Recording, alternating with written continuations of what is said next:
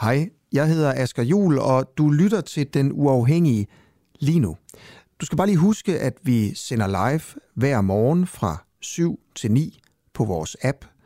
Og på appen kan du også finde nogle af vores andre programmer, der kun er for medlemmer. For eksempel podcasten Spionchefens Hemmelighed, hvor jeg prøver at finde ud af, hvorfor spionchef Lars Finsen er sigtet for at lægge statshemmeligheder. Hvad mener politiet, han har lægget? Hvorfor ordnede man egentlig ikke sådan det her i hemmelighed bag gardinerne? Hvilken rolle spillede Mette Frederiksen egentlig, og hvem er Lars Finsen? Nå, ikke mere om alt det. Du kan høre det i podcasten. Download vores app og bliv medlem, hvis du vil høre for eksempel det her program. Ja, og så slipper du i øvrigt også for den her irriterende besked i din daglige nyhedspodcast.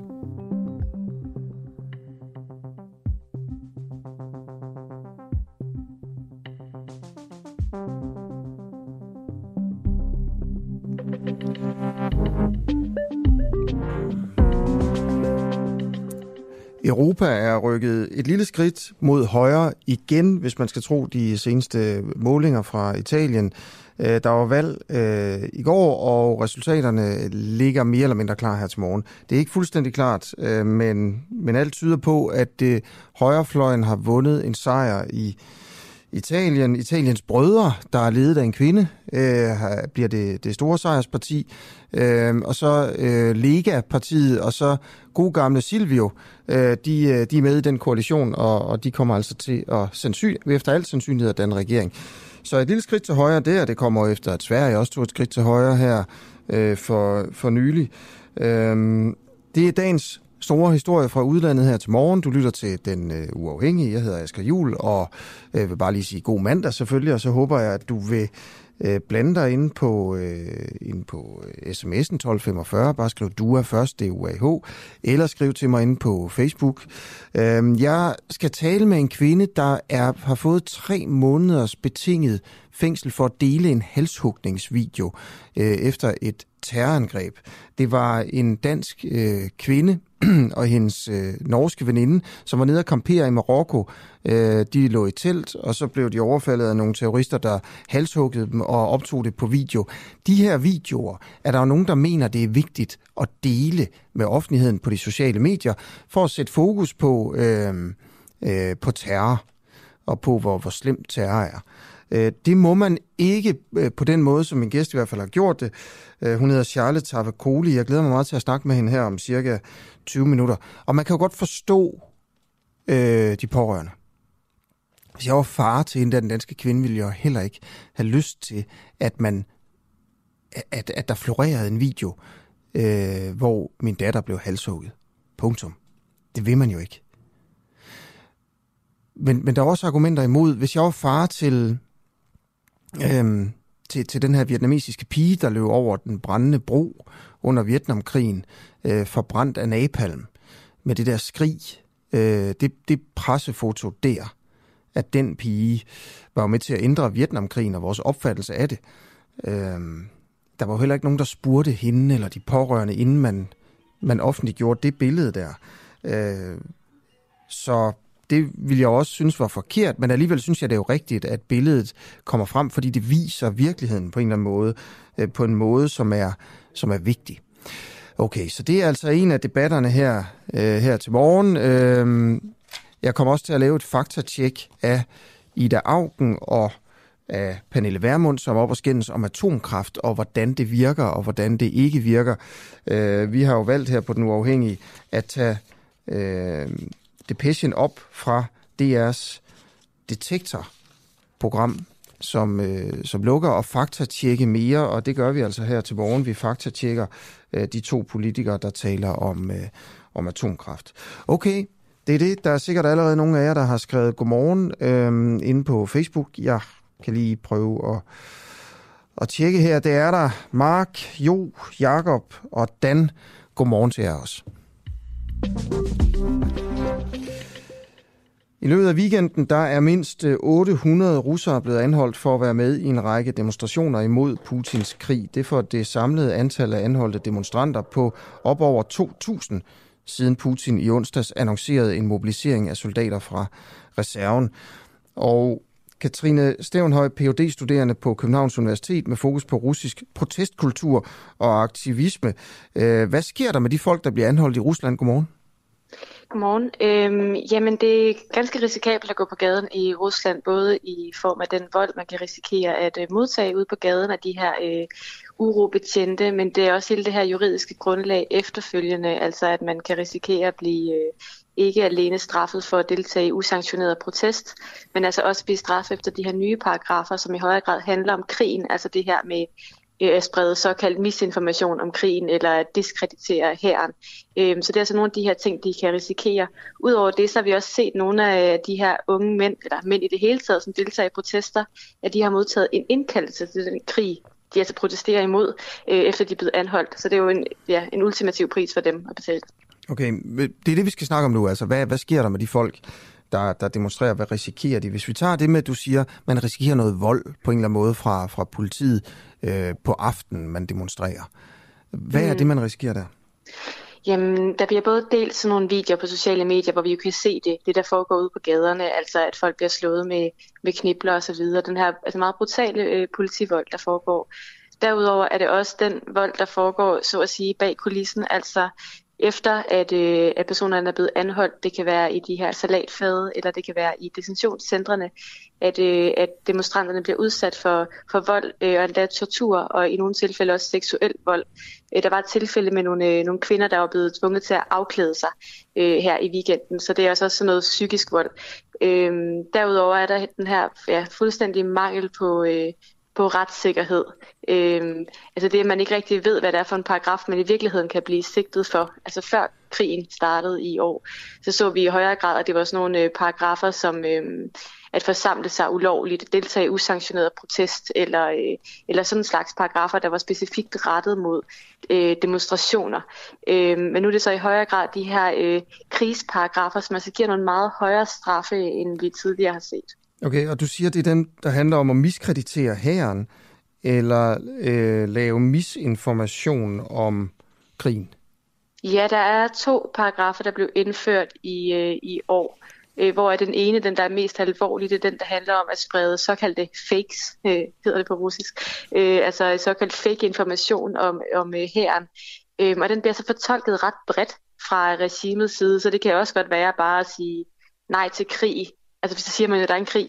Altså så det, de her paragrafer, der, øhm, der eksisterer i den russiske lovgivning, dem skal man se som en, en form for redskab fra, øh, fra regimets side mm. til at lukke ned for, øh, for systemkritik, og at de fortolker sig altså meget, meget øh, bredt. Ja. Kan du prøve at, at give et eksempel, nogle eksempler på, hvor bredt de bliver fortolket? Jamen det er for, for eksempel det her med, hvis man... Øh, altså har skrevet øh, nej til krig et sted, øh, så kan man risikere, at det, det bliver øh, taget som en, en, en misinformation øh, om øh, de væbnede styrker.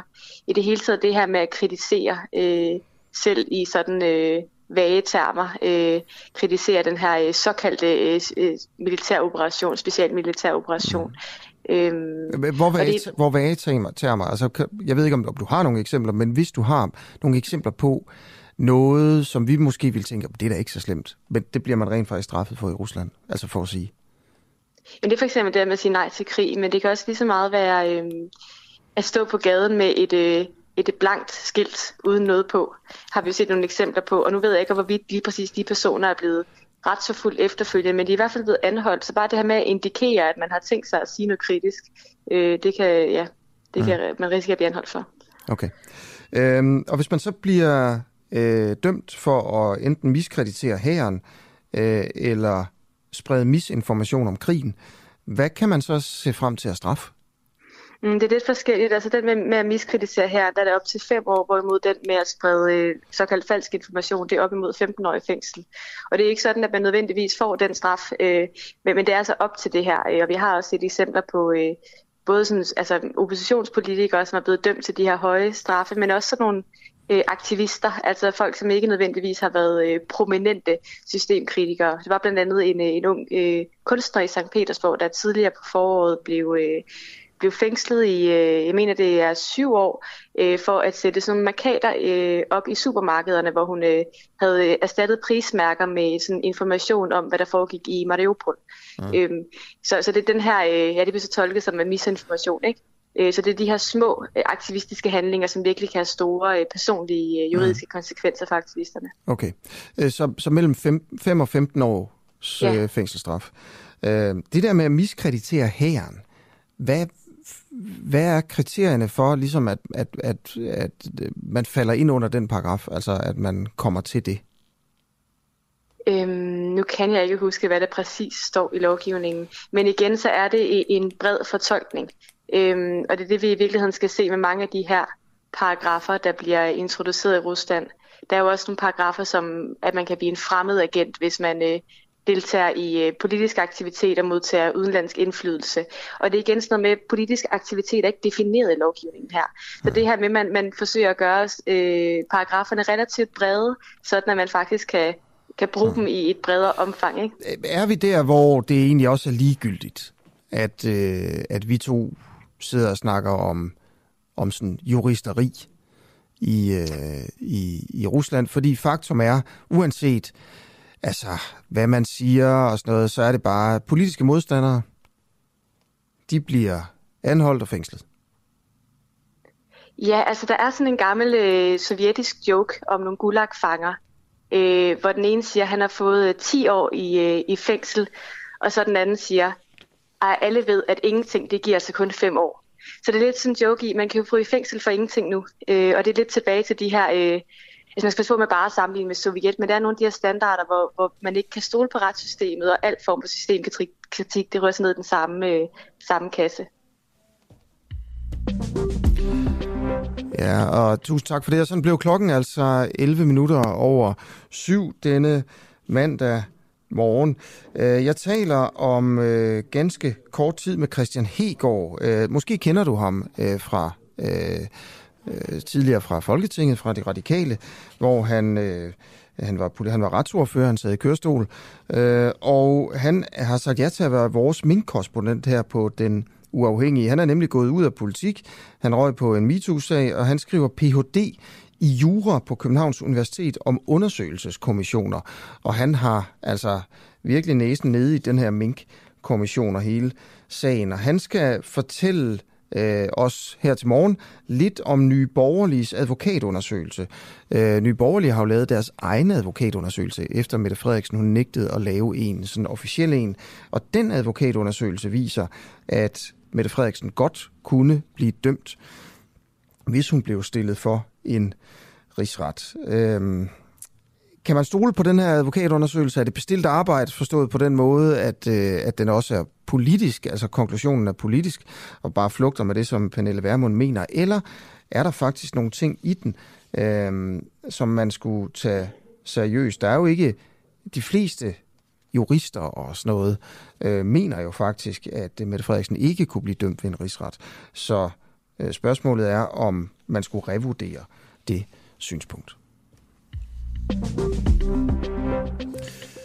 Okay, øh, jeg tror faktisk, vi tager øh, Christian Hegård allerede nu. Godmorgen, Christian. Skal vi se her. Christian Hegård er ikke med endnu. Øh, det kommer han lige om lidt.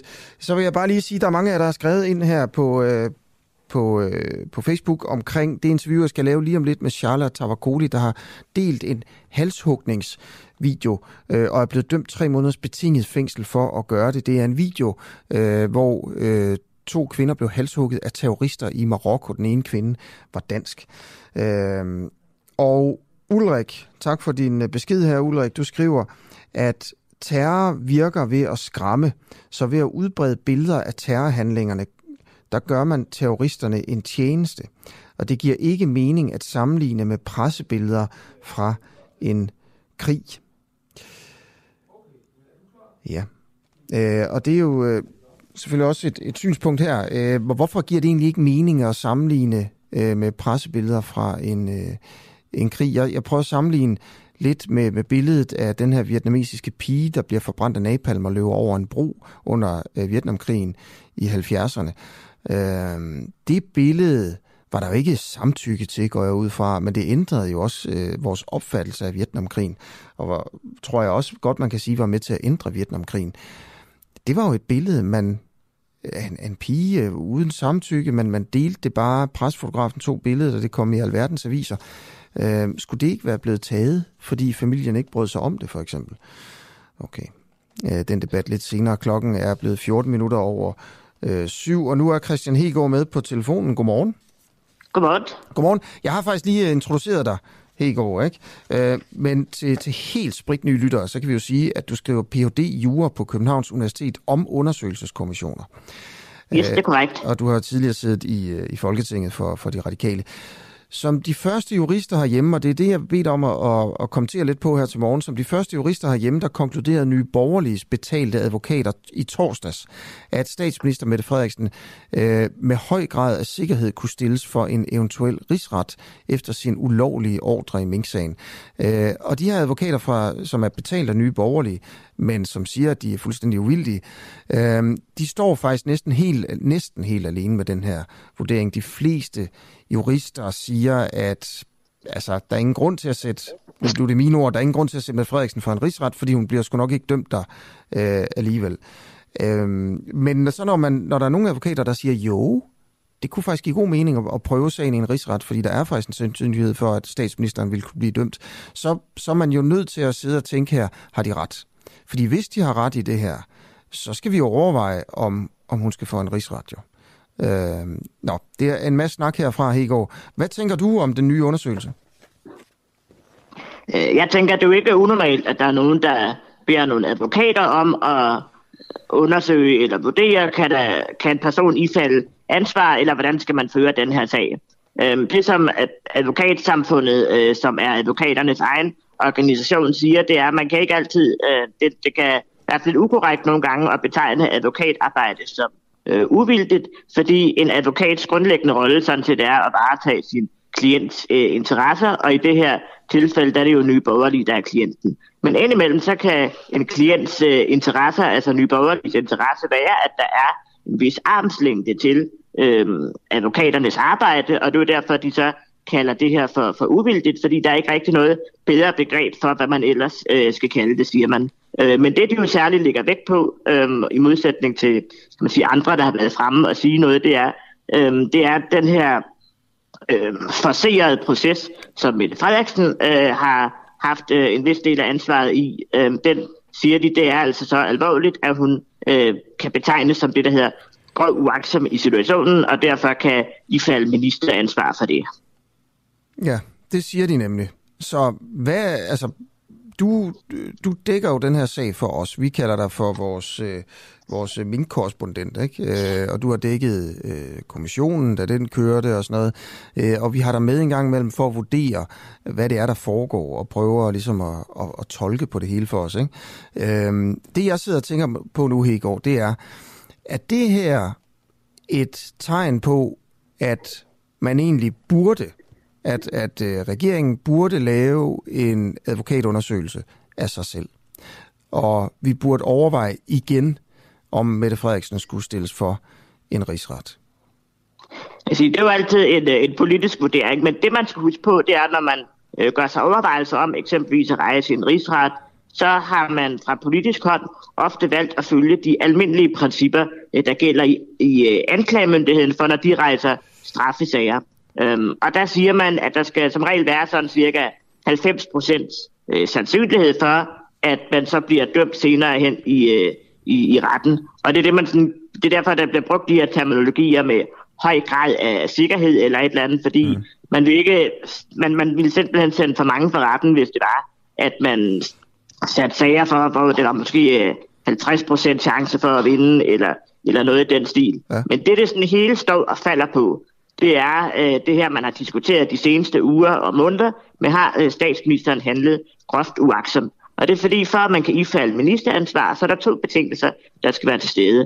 Den ene er, at man har gjort noget ulovligt, øh, og det er sket i situationen, fordi man på det her pressemøde udstedt en ulovlig instruks til myndighederne og befolkningen og minkavlerne. De blev groft vildledt. Men betingelse nummer to for, at man kan ifalde ministeransvar, det er, om det kan bebrejdes, øh, ministeren, i det her tilfælde statsministeren, tilstrækkeligt. Og det er det, man er lidt i tvivl om, hvorvidt øh, statsministeren har handlet groft uagtsomt i den situation. Mm. Og det er jo så det, som øh, den nye advokatundersøgelse, som er betalt af nye borgerlige, de påstår, der er armslængde, og, og der ikke er nogen politisk indblanding i, i arbejdet fra advokaterne. Den nye undersøgelse siger, at det har hun så med mere end 90 procent sandsynlighed. Det vurderer de. Øh, Hegård, må jeg prøve at spørge, altså, hvad du vurderer? ja, det, det kan jeg godt forstå, at man, man spørger om. Uh, det er alle jurister uh, bliver spurgt om i, uh, i øjeblikket, men jeg synes, det er mere interessant bare lige at kigge på, hvad er det egentlig, uh, den her uh, advokatvurdering i første omgang ligger væk på. Men, men må De ligger jeg, særlig væk på to ting. Hegård, Inden, og det skal, du, det skal du nok få lov til at sige alt det der, ikke også? Fordi det er også ja, interessant, ja, ja, hvad de ligger væk på, hvad deres konklusion er. Får jeg et svar på dig, man, fra dig på det der? Uh, man, man får ikke ud af mig præcis, hvor jeg ligger, men jeg, jeg har skrevet et, uh, jeg har faktisk skrevet tidligere et, uh, et debatindlæg i, uh, i Alting, hvor jeg giver nogle uh, lidt, noget lidt med på vejen omkring det. Ja. Og jeg synes ikke nødvendigvis, men jeg, jeg, synes, jeg synes ikke, man kan sige med høj grad af sikkerhed, at det her uh, vil være groft uagtsomt. Jeg synes, der er både elementer, der kan pege for, og jeg synes, der er elementer, uh, der kan pege imod. Men jeg synes ikke, at der ligesom er tale om høj grad af sikkerhed for, at der foreligger grov uagtsomhed, og derfor at man kan sige, statsministeren så vil øh, indføre øh, ministeransvar, det er stadigvæk indtil videre kun den her nye advokatvurdering, mm. øh, der ligesom har været de første og eneste, der har meddelt det indtil videre. Yes, og ganske kort, så du vil gerne sige, hvad ligger den her øh, nye advokatundersøgelse væk på? Jamen, øh, de ligger væk særligt på to ting. Øh, det ene er det her med, at øh, de synes, at Mette Frederiksen øh, har handlet særligt uaksom ved at øh, have den her forserede proces, hvor hun ikke gav tid til, at man kunne læse materialet, og at hun på en eller anden måde ikke har gjort nok for at spørge sit embedsværk, øh, fordi der gælder nogle principper om, at man ikke må holde sig i bevidst uvidenhed. Øhm, og der går de måske lidt længere, advokaterne, end den måde, man tidligere har vurderet den slags øh, principper på. Men der er ikke nogen minister, der de sidste 100 år er blevet, kan man sige, dømt for grov uaksomhed. Så derfor er det også et øh, begreb, der er påregnet en vis tvivl, hvad det sådan helt præcis går ud på.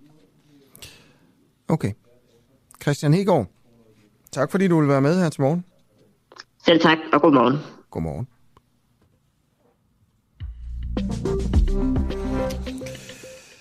Jeps. Øhm, mink-erhvervet, vil det blive genoplevet i Danmark, øh, regeringen kommer jo til at tillade minkavl igen øh, her til nytår.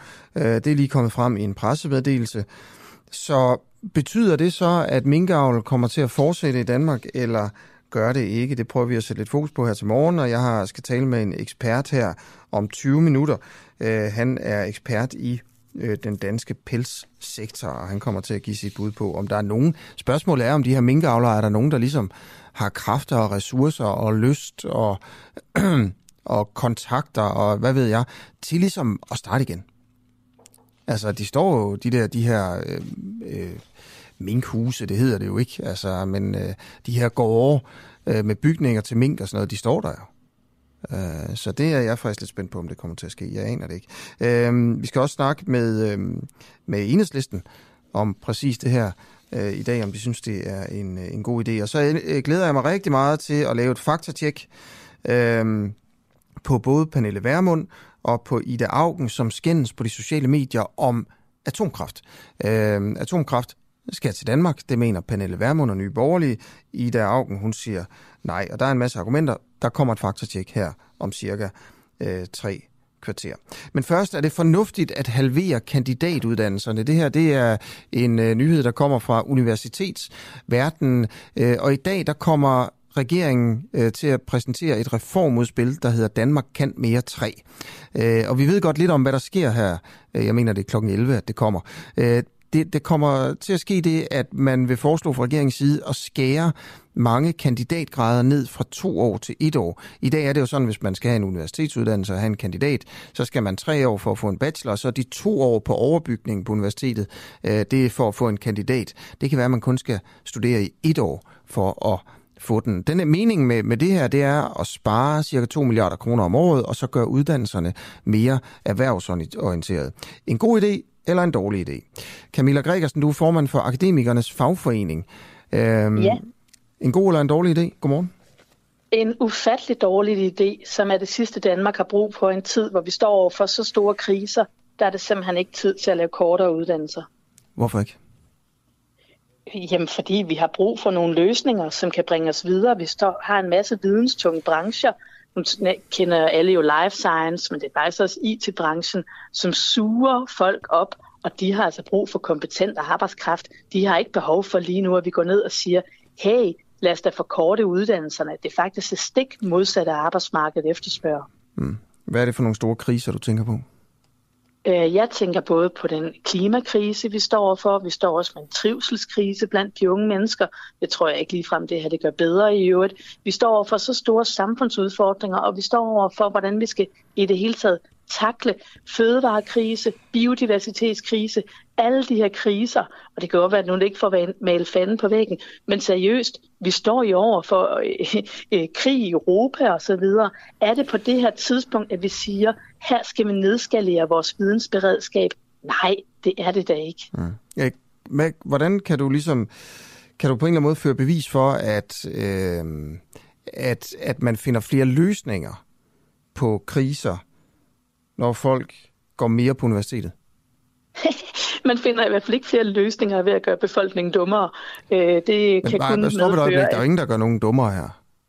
Vel? Det kan man faktisk godt risikere, for man må vel antage det. Derfor vi giver folk uddannelse, uanset om det så er i folkeskolen, eller på en ungdomsuddannelse, eller på en hvilken som helst videregående uddannelse. Det er forhåbentlig for at gøre folk klogere. Jo, det er klart, men man kan også blive klogere på, på den anden måde. Okay, jamen fair nok. Altså, men, men du siger, altså, at folk det, bliver dummere af ikke? Det må være grundpræmissen. Okay, ikke? Og, hvis, som... og, og, og sagen er forslaget her, det går ud på, at i stedet for, at man lærer øh, faglig viden, som er, er berammet til noget, vi kalder, det måler man i sådan ECTS-point, hvor meget viden får man. Øh, der er det nu berammet til, at man på en kandidatuddannelse, som er to år, der får man 120 ECTS-point. Fremover så skal man kun have 75. Og det kan jo ikke ses anderledes, som at man simpelthen måler, du skal lære mindre. Så til gengæld siger regeringen, så kan du så øh, lave det mere erhvervsrettet. Problemet er, at de ikke har forstået, at der er sket en kæmpe, kæmpe udvikling på universiteterne.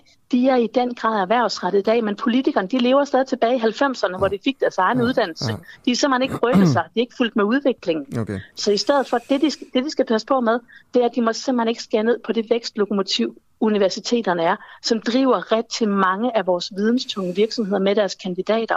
Og det er jo dem, der skal ud af erhvervslivet, de vil skære ned på. Prøv at høre, det er så hul i hovedet. Ja, det kan jeg forstå, du mener, og det er at gøre folk dummere. Øhm, regeringen vil have, at der er nogen, der øh, ellers ville have gået fem år på universitetet, som nu skal gå fire år på universitetet. Øhm, og så det, det år, de stopper før, der skal de så ud og arbejde. Ja. Øhm, ja. Øh, lærer man ikke noget, når... Altså, du siger, at det, det gør folk dummere. Øh, jeg vil bare gerne, fordi vi skal have løst nogle ting i samfundet. Det, jeg kan godt forstå det med, at der skal løses ting. Øh, men man kunne også sidde her og, og, og tænke, Nå jamen altså, man får også løst ting ved at komme ud i erhvervslivet og bruge sin yeah. viden, i stedet for at sidde på et universitet. Og så er det bare, jeg spørger dig, kan du ligesom på en eller anden måde, du siger jo, det er hul i hovedet, ikke også, det her. Kan du ja, føre bevis altså... for, at der bliver løst færre problemer ved at folk, eller løst flere problemer ved at folk i det år sidder på universitetet, i stedet for ude øh, i erhvervslivet? Altså det økonomiske råd har jo regnet på det her. Det gjorde de allerede i maj 22, altså for fire måneder siden, hvor de gik ind og sagde, at hvis man laver kortere universitetsuddannelser, så vil det formentlig medføre et produktivitetstab på hold fast 7-14 milliarder kroner om året. Det vil sige en kæmpe økonomisk nedgang hvert eneste år, fordi folk kommer ud med færre kompetencer. Og det er faktisk det økonomiske råd, vores ypperligste med, øh, økonomer, der sidder der og laver den her vurdering. Mm. Så deres anbefaling er i hvert fald ikke at gøre det her, hverken hvis man er interesseret i, at vi får, faktisk får veluddannede unge ud, der kan løse samfundsudfordringer, og heller ikke, hvis man bekymrer sig om samfundsøkonomien. Mm. Okay, og, og det økonomiske råd i den her analyse, tog de udgangspunkt i, øh, i at, øh, at, at det bliver præcis som det bliver foreslået i dag af, af regeringen, at man jo ikke bare skal studere mindre og så slappe af det sidste år, men man skal rent faktisk ud og arbejde. Øh, vil de sige, øh, altså det er egentlig virkelig spørger om det, hvis jeg ringer til det økonomiske råd i dag og siger, vil det her forslag koste øh, Danmark 14 milliarder kroner om året i tabt produktivitet. Øh, vil det så sige, ja, det er det? Altså, der er en lille forskel, fordi mm. dengang så de analyserede, hvad vil der ske, hvis man bare øh, fjernede øh, det ene år. Forskellen her til nu, det er, at de, regeringen vil fjerne øh, midlerne, som svarer til et år, så vil de genindføre halvdelen på universiteterne. Ja. Så man kan sige, man skulle sådan lidt groft sagt, så kan du dividere tallet med to. Men, men at, jeg, jeg, jeg, se, så begynder du at men, tolke men på, hvordan man kan bruge det økonomiske råds ja, prognoser, men, ikke også? Og du starter med at sige, de har jo sagt, at det koster 14 ja. milliarder, så når jeg går der lidt på, så siger du, at det kan godt være, at man lige skulle dividere den to. Nå øh, ja, men prøv at høre. Men, jeg, jeg så er det jo dig, der ligesom for, laver en skræmkampagne her. Nej, jeg går ind for saglighed, hvor man kan få alle nuancerne frem. Hvorfor nævner du så de 14 milliarder, uden at sige til mig, når du nævner det, at der måske er det kun 7 milliarder, øh, at det vil koste i tabt produktivitet? Altså lige snart jeg går der lidt altså, på klingen altså, her, de, så, så er du... De, de opererer selv med et spænd mellem 14 til 7 milliarder kroner. Sagen er bare grundlæggende. Det signal, som det økonomiske råd... Må jeg lige tale ud? Det, sag, det signal, det økonomiske råd siger, det er at sige, det her det medfører et produktivitetstab. Ja. Og det nævner jeg, fordi du sagde, har det her en betydning for, hvordan man kommer ud, hvor dygtig man er. Og det vurderer det økonomiske råd i hvert fald. Ja. Om det tallet så er 7 milliarder eller 14 milliarder, ja. grundlæggende, hvorfor, så kommer hvorfor folk vælger du så at sige 14 milliarder, når du godt ved, det, at det er et spænd? Ja, ja, det sagde jeg heller ikke. Jeg sagde 7 til 14. Nej, du sagde 14 til at starte med. Det var først, da jeg gik der på klingen, du begyndte at, at sige 7. nå, nå. Okay, men fint nok. Så hvorfor, har lytterne hvorfor valgte du så at sige 14? Øh, jeg er ret sikker på, at jeg sagde 7 til 14. Nå. Men pyt med det, så er vi i hvert fald enige om, at det er 7 til 14. Okay. Milliarder kroner om året i tab på BNP. Det er da ret vildt. Ja. Tak fordi du vil være med øh, og fortælle om, hvorfor du mener, det er en dårlig idé, det som regeringen foreslår. Jamen, god dag til jer. I lige måde, Camilla Gregersen, formand for Akademikernes fagforening her, øh, som altså argumenterer for, at øh, det er en god idé, øh, at, øh, at øh, at man skal have det her, det her sidste år på universitetet. Altså nu er der faktisk nogle lyttere, der skriver her, at hun sagde 7-14 oprindeligt. Og hvis hun gjorde det, jamen så, øh, så, må, altså, så lægger hun fladt ned. Så må jeg, altså, det må jeg virkelig undskylde. Ja, det må hun selvfølgelig undskylde. Hvis det er det. Jeg husker det som 14, det kan sagtens være, det var forkert. Øh, det må I faktisk gerne lige... Altså hvis der er nogen derude, der, der lige på en eller anden måde kan spole tilbage, eller øh, det første gang, hun nævner tallet der. Øh, jeg tager meget gerne og giver en stor undskyldning, hvis, øh, hvis jeg tog fejl der. Alright. Øhm, nu kommer vi til, til et interview, som jeg har glædet mig en lille smule til her. Øh, fordi jeg ikke rigtig personligt kan finde ud af, hvad jeg skal mene om det. Øh, spørgsmålet her, det er, om det er forkert at dele videoer af terrorhalshugninger. Og man har jo lyst til, bare når man hører det her, at sige, det er forkert. Selvfølgelig skal man ikke gøre det. Det er jo, det er jo synd øh, for dem, for de pårørende og sådan noget. Debattør og forfatter Charlotte Tavakoli, hun er blevet idømt tre måneders betinget fængsel for at dele en video af halshugningen af danske Louisa Jespersen i Marokko. Tavakoli har anket dommen, som hun kalder for uretfærdig, og hun siger til frihedsbrevet, at hun håber, at hun kan vinde sagen i landsretten, fordi hun mener, at det er en principiel sag, der handler om, at myndighederne nærmest lyver for borgerne, og at hun har været udsat for en politisk hets. Charles Tavakoli, debattør, aktivist og forfatter. Øhm, hvad var formålet med at dele hej. den her video? Godmorgen. tak fordi jeg måtte med. Hej, uh, godmorgen. Tak godmorgen. fordi jeg måtte være med. Vil du prøve at fortælle ganske kort her først? Altså, du har jo fået en dom, du, du synes, det er, det er en forkert dom, men hvorfor er det, du deler videoen i første omgang? Øhm, jeg deler videoen, fordi, eller jeg deler faktisk kun et link til videoen, som er øhm, sat bag sådan en øh, væg, som man skal, hvor man skal trykke igen for at se den. Så man skal trykke to gange på min Facebook for at komme til at se videoen, så den kører ikke bare på min, på min Facebook, som når man lægger en video op på Facebook. Øhm, så der er den forskel, men det, grunden til, at jeg lægger øh, linket op på min Facebook, det er, øhm, at øh, jeg tre dage efter terrorangrebet ikke kan se nogen som helst, øh, hverken medier eller myndigheder, fortælle om, hvad der er sket en dansk kvinde. Øh, netop, nemlig, at hun er blevet sammen med en norsk kvinde, blevet, er de begge blevet fundet halshugget. Øh, det ved de fra den start af, det ved øh, danskerne, det får hendes familie at vide. Mm. Øhm, og, øh, og, øh, men det får danskerne ikke at vide. Øh, danskerne får det ikke at vide. Øh, de danske myndigheder henviser til de marokkanske misinformationer, eller løgne, kald det, hvad du vil, men i hvert fald er, er de marokkanske myndigheder, de formulerer sig med, at to øh, skandinaviske kvinder er blevet fundet med, med skarpe, øh, nej, hvad hedder det, skader på halsen efter øh, skade, skader på halsen efter skarp genstand eller død med tegn på vold. Det er de formuleringer, der bliver fortalt videre i de danske medier. 1450 artikler øh, i ugen efter, øh, cirka, at, at, at det, det er den dominerende fortælling. Så er der nogle fortællinger faktisk, der, der kommer tættest på at forklare, hvordan, hvad der er sket. Det er nogle interviews med Louisas øh, mor, øh, hvor hun fortæller, de har slagtet min mor, I skal ikke tage til mig, eller de har slagtet min datter, I skal ikke tage til Marokko. Mm.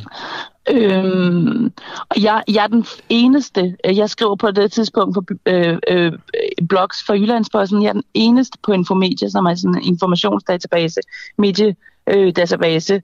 Øh, jeg er den eneste i ugen efter, der skriver, at Louise er blevet halshugget. Ja.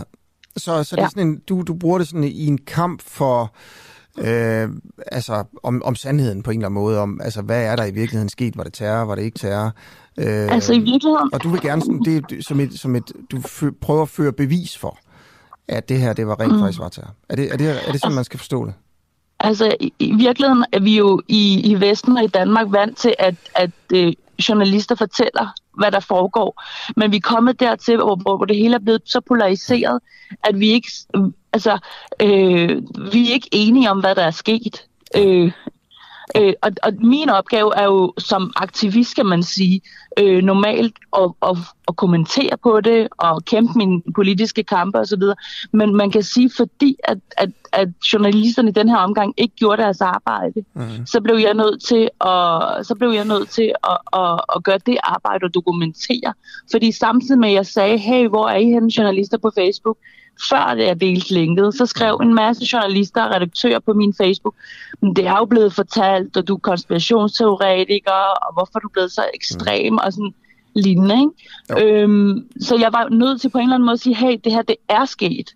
I fortæller ikke om det, øh, og det er vigtigt, at danskerne ved, hvad der foregår. I det mindste fordi, at andre danskere kunne finde på at rejse derned. Okay. Øh, og det var altså den 17. december 2008, at Lina af den 24-årige danske Louise Vester Jespersen og 28-årige norske Maren Ueland blev fundet øh, ved teltet ved bjerget Tubkal, der ligger tæt på en bjerglandsby øh, i Atlasbjergene i Marokko. Øh, og, og spørgsmålet er, om det er okay, du deler et link til, til den her video. En video, som jo er optaget af gerningsmændene, af terroristerne. Øh, og de, de optager den jo selvfølgelig, fordi de det er i deres interesse, at det her kommer ud. Det er jo sådan, terror fungerer. Det var der også en lytter, der skrev, der hedder Ulrik. Øhm, mm. Og det er han jo sådan set også ret i. Øh, hvad, mm. er det, hvad er det, man... Altså, hvad, hvad er det, der sker på den video? Du deler et link til den. Hvad er det, der sker? Mm. Hvad ser man? Det, man ser, det er, at man, man kan se, at en kvinde øh, øh, bagfra bliver... Og grunden til, at jeg deler videoen, det er også vigtigt at men, sige... Men det har, kan at, du lige fortælle, hvad der, hvad der sker jo, på den først? Fordi så, kan vi jo, også, så er det nemmere for os at tage stilling til. Ja, der, det, det, man kan se en kvinde, øh, man kan ikke se hendes ansigt, man kan ikke se sådan, hvem hun er. Man kan, hun bliver ikke man kan se, at hun bliver for skåret halsen over. Jeg har ikke hørt den med øh, lyd på, fordi det vil jeg helst ikke på det tidspunkt. Øh, var jeg, var, jeg, øh, var jeg hjemme med min baby på 6 måneder og ammede, øh, og havde ikke lyst til at få... Øh, jeg havde faktisk ikke engang lyst til at se videoen. Mm. Grunden til, at jeg alligevel gør det, det er for at, ligesom, at dokumentere og finde ud af og verificere videoen, og det gør jeg så øh, i, på et tidspunkt, hvor politiet og medierne ikke har gjort men, det. Men, men du siger, at man kan ikke se ansigter eller noget som helst? Man kan ikke se, man kan ikke se. Hvordan kan, øh, man kan ikke vide, se hvordan kan den video så være dokumentation for noget som helst? Hvis du ikke kan Jamen se, lige præcis, er den. Men, men det er hele pointen, fordi jeg, jeg vil skrive om det her, men jeg kunne ikke skrive, før jeg var øh, sikker eller nogenlunde sikker på, at det var det, det, der var foregået i Marokko. Så jeg går i gang med at, at verificere videoen ved at henvende mig til øh, andre kollegaer øh, rundt omkring i verden og i Danmark, som arbejder med det her.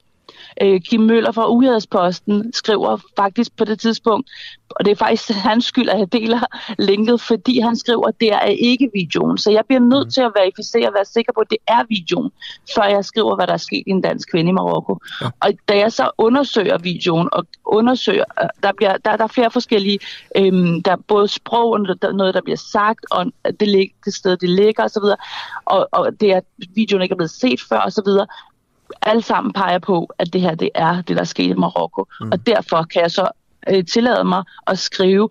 Forestil dig, at jeg bare skrev, at, ja. at en kvinde, en dansk kvinde øh, i Marokko var blevet halshugget, og det så var løgn, og jeg bare blev nødt til at gøre det, fordi ingen andre skrev det. Mm. Så ville min øh, øh, tro, øh, troværdighed som politisk journalist jo ryge fuldstændigt. Mm. Og derfor ville jeg jo ikke gøre det. Nej. Jeg var nødt til at undersøge øh, øh, videoen. Okay, det og det er blandt andet derfor, jeg deler linket. Ja, altså du, du, du undersøger, om det på en eller anden måde er den rigtige video, ved bare at lægge det, altså dele linket med alle i hele verden, der følger dig. Ja. Ja. Øhm, men men, men også, lad mig lige... Altså, lad mig lige altså, hvis, ja. hvis man vil undersøge noget med et drab, for eksempel, og man ja. ved ikke, hvad ja. fanden der er op og ned, om, ja. øhm, så kunne man måske godt gøre det, øh, altså uden lad os at lægge det ud nogle... til alle. Ja. Kunne du have gjort det her bare... anderledes? Nej, jeg kunne, ikke, jeg kunne ikke have fundet ud af, om det var det, der var sket i Marokko, uden at have delt videoen, fordi ved at dele videoen fik jeg information om, som, som hørte til, at jeg kunne fortælle historien om, øh, at breake i virkeligheden nyheden, om hun var blevet halshugget. Og lad mig lige gå tilbage til nogle, nogle, år, hvor, nogle år tilbage, hvor James Foley, en, en, en amerikansk journalist, blev halshugget med god opløsning. Man kan se, det er ham. Man kan se, at han bliver halshugget. Den video har de danske medier, alle danske medier, bragt billeder af. Øh, og, og, og, øh, og nogen, faktisk DR og Radio 24 øh, hvor jeres chefredaktør faktisk også udtaler sig om sagen, der blev der, blev der delt et link af selve øh, drabsvideoen. Okay. Øh, og der, der vidste man faktisk, at Foleys forældre ikke ville have, at man delte videoen. Og der, der sad man på, i presselogen og argumenterede for, hvorfor det var øh, vigtigt at vise videoen, selvom de pårørende var stødt, og selvom at han blev ydmyget, og det var, det var krænkende billeder af Foley, så var det vigtigt, at verden så, hvad islamisk stat øh, havde gang i i Syrien. Okay. Så bare for at sige, det er ikke kun mig, der er syg i bolden. Øh, det, det er Øh, og jeg har, ikke engang, jeg, har ikke engang, jeg har ikke engang bragt billedet. Jeg har, gjort, ja. jeg har delt et link for at sige her, der sker noget, der ikke bliver fortalt om. Okay. Øhm. Charlotte Tavakoli, tusind tak, fordi du var med. Du har altså fået en dom for det her øh, tre måneder Mange tak. betinget fængsel. Øh, og som vi jo se, du, du anker den, er det sådan, det er? Det gør jeg. Ja. Tak fordi du ja. vil være med her. Klokken er 7.41 denne mandag morgen. Øh, vi har lige været igennem øh, det forrige interview, og øh, jeg siger lige undskyld til Camilla Gregersen, formand for Akademikernes Fagforening. Jeg har hørt forkert.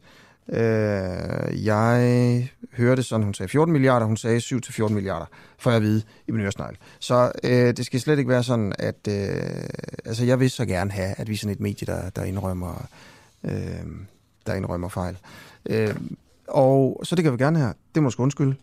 Øh, jeg har forkert. Okay. Og nu skal vi videre med udsendelsen. Øh, vil minkerhvervet blive genoplevet i Danmark, eller er det stendødt øh, for altid? Regeringen vil lade det midlertidige forbud mod minkavl øh, udløbe til nytår. Det har Fødevareministeriet oplyst i en pressemeddelelse, og det vil jo så sige med andre ord, at det bliver lovligt igen. Øh, regeringen besluttede ellers her den 3. november 2020, at alle mink på danske minkfarme skulle aflives af hensyn til den danske øh, folkesundhed. Og beslutningen om at lovliggøre minkavl igen, det er truffet, den er truffet på baggrund af en vurdering fra Statens Serum Institut. Øh, det her institut det vurderer, at der er en begrænset risiko for folkesundheden ved at genoptage mink erhvervet. Og tal fra Fødevarestyrelsen viser, at kun 1% af danske minkavlere, det svarer til 14 farme, har søgt om såkaldt dvalekompensation. Og det betyder jo altså, at man kan få kompensation og mulighed for at avle mink igen. Og så er spørgsmålet til dig, Henning Orte Hansen, ekspert i den danske og internationale pelssektor, om, øh, om folk vil begynde at avle mink igen efter nytår. Godmorgen. Kan det passe, Henning Otte Hansen? Er du på? Det kan det ikke. Henning er ikke på lige nu. Øhm, det er som om, der lige var et lille... Hallo? Henning? Goddag, Henning. Goddag, goddag. Goddag, goddag. Sorry. Så er du igennem. Kunne du høre, hvad Godt. jeg sagde? Ja, det kan jeg. Nu kan jeg høre det. Jeg, Nå, ikke, ikke før. okay. Øh, Hørte du også, hvad jeg sagde før? Nej, det kan jeg ikke. Nå, jeg gav ligesom bare en indflyvning på, hvad der er sket med, øhm, med, med, med, med om at, at det blev stoppet med minkerhvervet og, og sådan nogle ting, ikke? Og, og nu, Ja. nu, nu bliver det så lovligt igen. Øhm, Og så spørgsmålet til dig er jo bare, øhm, kommer det til at... Altså, er der nogen, der begynder at avle mink igen i Danmark? Der er nok nogle sådan få skal man sige, ildsjæle tilbage. Måske, måske en 5-10 stykker. Ud af vel øh, omkring 1000 tidligere, der var. Så jeg tror, det er relativt øh, småskala, det vi kommer til at opleve. Nogle få øh, ildsjæle og ikke noget stort erhverv mere. Hvorfor ikke? Fordi man har ødelagt hele man sige, infrastrukturen, hele man sige, foderfabriksopbygningen, rådgivningstjenesten, hele den der normale klyngedannelse, den er egentlig væk. Så der er faktisk kun nogle sådan få tilbage, der er sådan lidt på herrens mark. Øh, Copenhagen Fur, deres normale afsætningsmarked, er jo også ved at at blive lukket ned, så jeg skal sige, hele sa- sammenhængen og hele øh, infrastrukturen er egentlig ødelagt. Så det burde nok man sige, relativt øh, lille skala, det ja. vi Ja. oplever. Og hvad er det så dem, der så vælger at starte igen? De 10-15 øh, sådan stedige minkavlere, der ikke, øh, Mm. der ikke kalder vær. Hvad, hvad er det for noget bøvl, de vil have, som de ikke havde før? Øh, dels at få adgang til øh, nye afstyr, som hele deres måske, øh, besætning er jo egentlig øh, forsvundet. Så det er altså at få udviklet nogle nye, gode afstyr med nogle særlige egenskaber. Vi havde i forvejen som siger, relativt godt avlsmateriale med en relativt høj øh, merpris.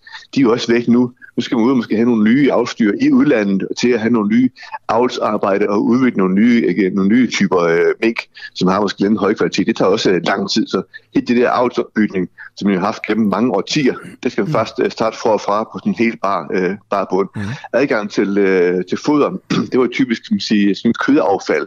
Man har også lukket øh, de gamle foderfabrikker, så start fra for adgang til kødaffald, få det bragt ud, øh, det tager også en masse tid, så en masse bøvl.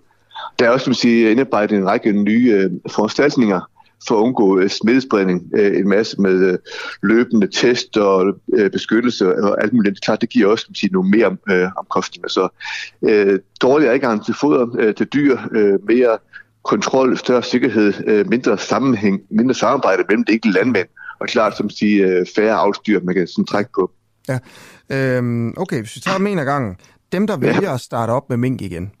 Øh, du siger, de skal jo have sådan nogle avlstyr, som, Ja. som ikke er her. Hvor, Ja. hvor, hvor vil de finde dem hen? Det findes flere steder i verden. Altså, Sverige har stadigvæk en rimelig stor minkavl. Øh, Sverige, Polen typisk, øh, Island har også, øh, typisk øh, Rumænien, Bulgarien, Ukraine har også en rimelig stor. Så det er nok de områder, vi kan øh, hente en ny afstyr på. Men, men hvor, altså, så sidder jeg og tænker, jamen så bøvl kan det da heller ikke være. Og tage over og købe nogle avlstyr i, øh, i Sverige og Polen og sådan. Ja, vi har haft kan man sige, en relativt uh, smittefri besætning. Altså, der har været nogle ret alvorlige uh, minksygdomme. Det man faktisk kunne udrydde i Danmark. Det findes faktisk i resten af verden. Så vi får nok kan man sige, nogle uh, befængte uh, mink ind, der har måske en større uh, sygdomspres. Ja. Uh, vi har også kan sige, mange årtier haft et godt uh, avlsarbejde og kunne udvikle nogle helt unikke sådan høj kvalitets mink. Det gav faktisk en 15-20 procent i mere pris i forhold til resten af verden på grund af et stort avlsarbejde. Også, også i forhold til Sverige. Ja, det har vi faktisk haft. Ja, det har vi haft.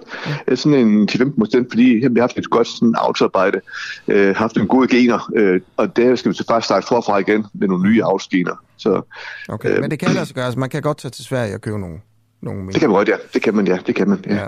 Og, og foder, det kan man vel også købe et eller andet sted. Det kan være, det bliver lidt dyrere. Ja, man har faktisk fundet nogle nye, som siger, nogle nye kunder til, til gamle som siger, kødaffald. Det er brugt til måske, måske til noget bioenergi. Og starte forfra igen og få nye aftaler, det tager også tid at få det bragt sammen, for, for at oprette nogle nye foder- foderfabrikker. Det tager også tid, Er der- det er ikke nemt. Nej, det er ikke nemt. Er der noget, der er bedre end før? For de 10-15 minkavlere, der starter op nu her, øh, hvis det sker. Det er fordi, jeg, jeg sigter lidt på, kan vide, om prisen ikke er steget? Altså... Jo, det er den jo. Ja. Vi har fjernet, vi har måske fjernet måske en 30 procent af, af, verdens udbud. Det er klart, det vil også give ja. prisstigninger, så det er måske sådan, også der chance, det er, vi har haft. Dels måske en 6-7 år med sådan den der priscyklus, med sådan prisfald. Vi har sådan typisk en 7-8 års top og en 7-8 års bund. Har nok nået bunden nu, så et faldende udbud, og så måske bunden af en eller anden priscyklus, det giver nok sådan lidt håb for de her mm. kommende minkavlere. Ja, okay. Så det er altså din, øh, din vurdering her, at øh, sådan en, var det en 10-15 minkavlere, der nok starter op og igen, og der var øh, cirka yeah. 1000, øh, inden yeah. at det blev øh, lukket ned i 2020? Ja, det tror jeg. Det på sådan noget småskala. Øh, nok nogle store effektive, men altså stadigvæk i forhold til tidligere, vi var verdens største producent, øh, verdens største øh, øh, eksportør, så der er lang vej igen til sådan tidligere tiders øh, storhed. Må, må prøve lige om lidt, skal jeg snakke med enhedslistens øh, landbrugs- og fødevareordfører, øh, om det er en god idé at øh, lukke op for, at, eller altså gøre det lovligt igen at, at have mink i Danmark. Øh, hvad, hvad synes altså har du en holdning til det? Det er vel sådan to aspekter. Det ene det er at se dels som sige, på et erhverv, på øh, konkurrenceevne, på afsætning, på økonomi. Det andet er at se på som sige, dyrevelfærd og sundhed. Så jeg ved ikke særlig meget omkring dyrevelfærd. Jeg ved noget omkring som sige, erhverv og afsætning. Så det er jo en anden afvejning mellem altså, erhverv kontra dyrevelfærd. Ja. Det er sådan jo sige, rent, det er jo øh, politik, altså tage den der øh, afvejning. Det vil jeg nødt være herover. Jeg ved noget omkring markedet og afsætning og øh, okay, økonomi. Okay, så, så prøv at sige noget om det. Altså, det med i forhold til økonomi og, og sådan noget, hvor god, ja. altså, hvad er de positive konsekvenser så ved, at man får lov til at dyrke mink igen i Danmark? Øh, mink var tidligere Danmarks nok øh, mest konkurrencedygtige erhverv, målt sådan på øh, ja, forskellige måder. Nok det erhverv, hvor vi havde den største andel af verdensmarkedet den største merpris i forhold til resten af verden. Øh, på den måde havde vi en helt unik placering, en stærk, som kalder for pelsklynge, samarbejde mellem forskning, udvikling, afsætning og markeder. Øh, en utrolig stærk erhverv med en høj øh, grad af eksport og også konkurrenceevne. Øh, altså, det vil nok øh, være svært at øh, gen, genskabe det. Så, men klart, det er i hvert fald nogle, nogle store viden og erfaring, noget viden, som man kan bygge, bygge videre på og skabe igen et stærkt øh, erhverv. Så, så man kan skabe et, et stærkt erhverv igen? Ja, vi har nogle grundlæggende gode, vi har også et godt, et godt klima, vi har adgang til uh, godt, uh, godt foder, vi stadigvæk vi har adgang til nogle gode rådgivningsmuligheder, så vi stadig har et, et, et, et godt grundlag, vi kan okay. bygge videre på. Okay, så vi kan bygge videre på det. Tusind tak, fordi du var med, ja. Henning, og det Hansen, ekspert af den danske og internationale pelssektor. Her er altså et argument, øh, et økonomisk argument for, at det her det er fint. Det bliver lovligt igen at starte mink op i Danmark. Øh, og selvom det bliver svært for de stedige, de få stedige minkavlere, der insisterer på at starte igen op igen her efter nytår, øh, selvom det bliver hårdt for dem, og der er problemer med foder og avlsdyr, og også øh, en, kommer til at være en del øh, bøvl med nogle nye tests øh, for sygdomme og sådan noget, så er det økonomisk set noget, der giver mening. Okay, det er der måske flere holdninger om det her. Måske er det også fordi, øh, øh, man skal kigge på andre ting end bare økonomi, når man snakker om, øh, om det her. Søren Ikke Rasmussen er landbrugs- og fødevareordfører samt dyrevelfærdsordfører for Enhedslisten. Øh, og Søren Ikke Rasmussen, øh, hvad synes du om, at det bliver lovligt igen at have mink efter nytår? Godmorgen. Godmorgen. Jamen, jeg synes, det er rigtig sørgeligt, fordi øh, her havde vi jo chancen for at, at vedtage et øh, permanent forbud og det vil regeringen så desværre ikke. Hvis man kigger ud i Europa, så er der flere og flere lande, som forbyder minkavl. Og det er så af dyreetiske grunde. Og minken er, er sådan set et vildt dyr. Altså, man kan ikke bare gøre buren lidt større, så har de det godt. Sådan er det ikke. Øh, så vi skulle virkelig have brugt den her chance til at sige øh, permanent øh, stop for at have mink mm. i Danmark. Og, og hvad er dit argument? Det er ikke sygdom mere, det, det er dyrevelfærd nu? Jamen, vi har sådan set to argumenter. I mange år har vi haft det gode argument, at af dyreetiske grunde skulle man ikke have mink i sådan nogle små buer, og vi har konstateret, at det vil ikke hjælpe at have den i lidt større buer. Det er sådan det mm. dyreetiske. Det andet er sådan set øh, det, der er kommet til i forbindelse med corona, hvor at man erfarede, at, at corona kunne smitte mellem mink og, og mennesker. Og i lang tid anede man jo ikke, øh, om der var et eller andet fugl, eller rotter, eller katte, som, som var mellemled for det. Men det viste sig, at det var jo sådan set mennesker og mink, der kan smitte hinanden med corona. Og der havde vi jo så en, øh, en forfærdelig situation, som, som, som startede i Nordjylland, hvor vi fik en corona-mink-variant ind, på nogle, ind til nogle ældre på nogle øh, plejehjem. Øh, og, og, og derfor har altså den sag har jo vist, hvor farligt det er at have mink mm. i Danmark, når man har corona, der opstår forskellige varianter. Ja. Det synes jeg altså ikke, man skal spille hasard med. Og det er, jo, det er jo det, man starter op med. Og det kan godt være, at man så skriver, at, at, at risikoen er mindre, fordi man, man starter op med, med relativt få, øh, få minkbesætninger. Men, men der, er, der er jo en risiko ved at starte op igen. Statens Serum Institut siger, altså i forhold til det med smittespredningen, at der er en begrænset risiko for folkesundheden ja. ved at genoptage ja. minkerhvervet. Og tilbage i maj, øh, der sagde Serum Instituttet, at selv i, i et worst case scenarium, der vil coronasmittede mink have en begrænset betydning for smittespredningen blandt befolkningen. Ja. ja. Så det er en begrænset risiko. En begrænset der er det jo godt, risiko. vi så har, det er jo så godt, at vi har to øh, gode argumenter. At det både er det dyretiske, ja. og så mener jeg sådan set stadigvæk, at der er en sundhedsrisiko. Altså, mm. selvom man, man nu indfører regler med nogle smitteforebyggende foranstaltninger, så vil der jo stadig være en risiko. Og man må bare sige, at det, der skete i Nordjylland, det var jo fuldstændig uforudsigeligt.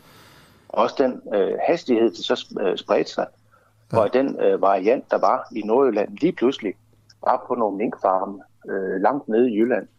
Hvordan kom den lige derned? Ja, det var jo mennesker, der, der, der spredte det på den måde. Mm. Øh, så så jeg, altså, jeg er ikke tryg ved det. Jeg er mm. godt klar over, at, at, at, at uh, sundhedsmyndigheder betragter den her risiko nu som værende mindre, men den mm. er der jo stadigvæk. Ja. Det her med uh, dyrevelfærd, at, ja. øh, at man også skal altså, droppe minkavl i Danmark på grund af dyrevelfærden. Ja. Uh, kan du prøve at sætte nogle... Øh, altså nogle, nogle flere ord på det, fordi jeg sidder også og tænker, ja, ja. altså mink er i, er i buer, de har jo sådan et bur hver, de her mink, ikke? Ja. Øh, og øh, de vil sikkert hellere ikke være i bur. Øh, hvis, hvis der blev åbnet op, så ville de jo sikkert løbe ud i verden, i stedet for, at de vil nok ikke det ligesom, ja. løbe tilbage til buret. Ligesom hvis du åbnede ind til en kostal, øh, så vil, så, vil, så vil køerne jo også løbe ud af døren, eller ind til... Øh, hvad kan jeg sige, kaninbur eller, eller øh, en grisestal eller et eller andet. Ikke? Så øh, hvad er det, der gør minkavl, hvad kan man sige, så slem, at man burde forbyde den, når man ser på, at vi har øh, svin i stalle og køer i stalle i Danmark? Ja, hvis du tager grisene, så har vi jo haft grisene som, som landbrugsdyr i så mange år, at de er kommet frem til at have en adfærd, som, som gør, at de kan komme i brunst, øh, hvad skal man sige, lige i, i, øh, hvad skal man sige, i forlængelse af hinanden, så man kan have rigtig mange grise. Hvis du tager et vildsvin og putter ind i en stald, så vil den kun få et øh, kul unger om året. Og hvis du så har et år, hvor der er mange ærer, på ude i skoven, så vil de af en eller anden naturlig grund kunne, kunne få to hold, øh, hold unger.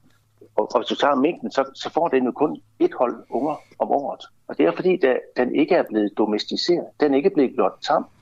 Ellers vil man jo kolde mink, ligesom man har kaniner, der, der får unger hele tiden.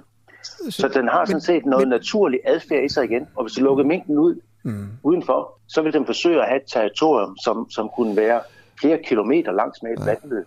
Jo, jo.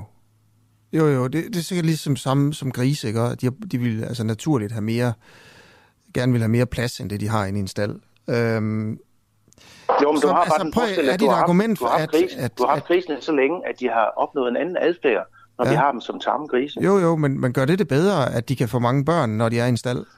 Altså... Øh, Altså, vi har stadigvæk noget dyreetik, som, som vi bør øh, prioritere, og det er jo derfor, at vi i enhedslisten går ind for øh, økologien, mm. fordi der har man et højere regelsæt ja. for, hvordan man har sin husdyr. Men, men vil I også og, forbyde og konventionel svinedrift i Danmark? Altså, at, at, nej, det er ikke, at, vil I forbyde det? Det er ikke der, men der er noget dyrevelfærd, som virkelig ja. skal, skal Så, strammes op. Men I vil gerne for forbyde, har man... at mink er i stalle, men ikke gris. Og så er dit argument så, jamen det er for, fordi gris de kan få mange unger, øh, når de er i en stald. Og mink, de kan kun få unger en gang om året. Hvorfor er det, at, at hvis man kan få mange unger i en stald, at så er det fint at, at spærre, spærre dyr inde i en stald? Jamen, jeg synes ikke, det er fint at, at spærre dem ind. Jeg går ind for økologisk... Men du vil ikke forbyde det jo, vel? Nej, men jeg vil sådan set gerne frem til, at vi udelukkende har økologiske dyr i Danmark. Jo. Og så vil det betyde, at de grise har det langt bedre. Så det, det kan jo godt gradbøjes. Altså man kan have god dyrevelfærd, man kan have noget, der, der, der er dårligere, man kan have noget, der er rigtig skidt. Kan man ikke have økologiske her, mink så? Har du overvejet det? Nej, det kan man ikke. Det kan man ikke. Hvis du ser i regelsættet for, øh, for husdyrhold, for økologien, så kan man ikke have mink. Hvorfor? Punktum. Man kan, og man kan heller ikke have ræve øh, til pelsavl. Men, men, men, men det er fordi, at ikke? dyr... Altså, det er jo dig, der, du er med til at lave reglerne. Man kan jo lave reglerne ja. om. Hvor, hvorfor ikke uh, lave sådan, at, at man kan... Jamen, hvorfor ikke uh, give lov til at lave økologiske mink? Fordi du kan simpelthen ikke uh, lave buret stort nok til, at minken har det godt. Hvad mener du? Og så har, Hvor, hvorfor så kan har man ikke det? Jamen, fordi at det sådan set er et vildt dyr. Altså, så skulle du lave et bur, der var 3 km langt langs med en vandløb. Altså, Okay. det kan bare ikke lade sig gøre. Okay. Så det, øh, det der er altså noget produktion, der, der, der bør forbydes. Ligesom vi i Danmark har for, forbudt at have ræve i buer øh, til, til at, at få noget pels ud af det.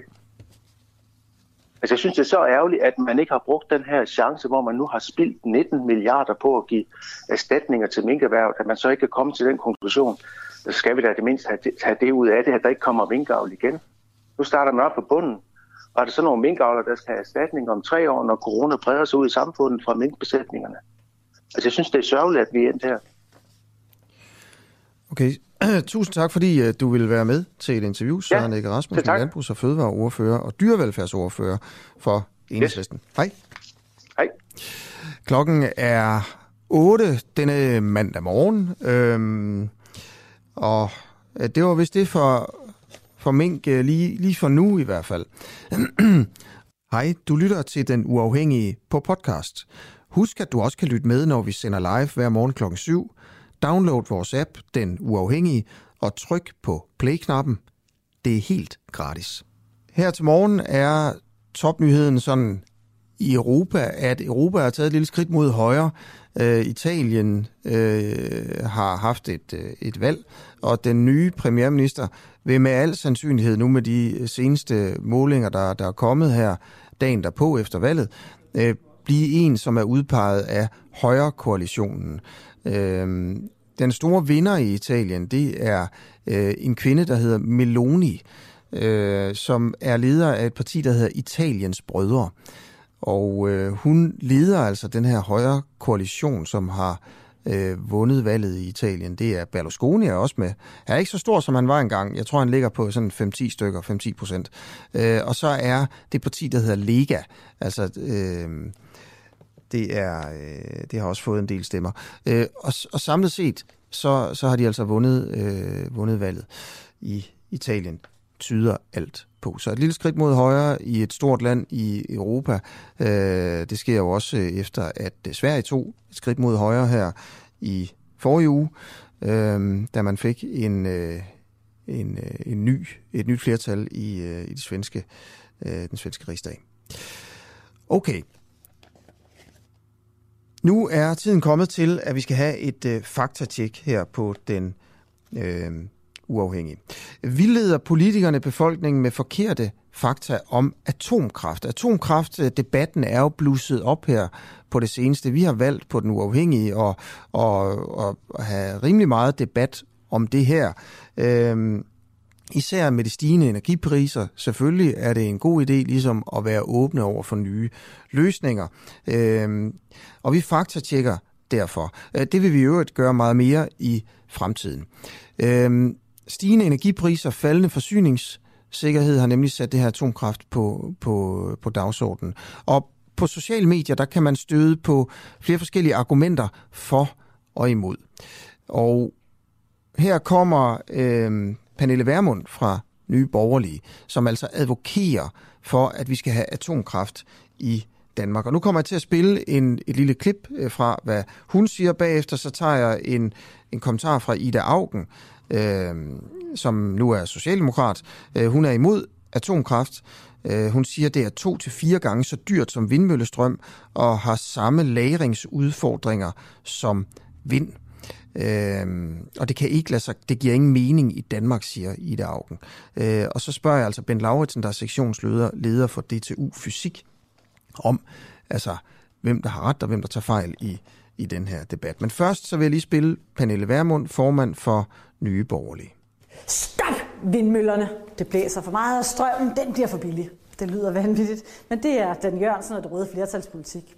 Vindmøller kan ikke levere strøm, når det ikke blæser. Og når det blæser for meget, så bliver de stoppet, fordi strømmen bliver for billig. Det skal man vist være socialist for at forstå logikken i. Den eneste logik, der er i det vrøvl, det er, at din elregning bliver større. Meget større. Men billig, sikker og ren energi, det er en mulighed for danskerne, også når vinden ikke blæser. Kernekraft er den rigtige løsning. Det er både EU og FN enige i. Så lad os få kernekraft til Danmark. Kernekraft er en sikker, ren og stabil energikilde. Den eneste måde at få lavere priser på energi på, det er at producere mere. Modsat Dan Jørgensen, så mener vi ikke, at energi kan blive for billig. Og modsat Dan Jørgensen, så mener vi ikke, at stillestående vindmøller er løsningen. Og modsat Dan Jørgensen, så mener vi faktisk, at kernekraft er vejen frem for Danmark.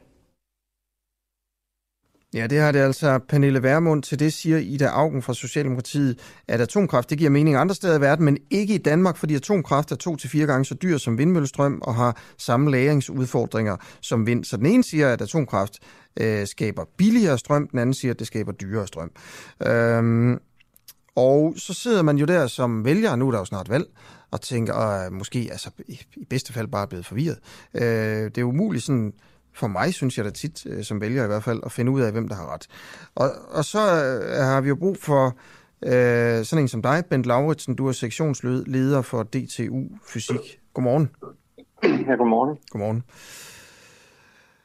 Kan du prøve at, at, at sige noget om, altså hvem der har ret her, hvis vi tager på det, at de, de, der, de bliver sagt mange ting, men det der med billig strøm.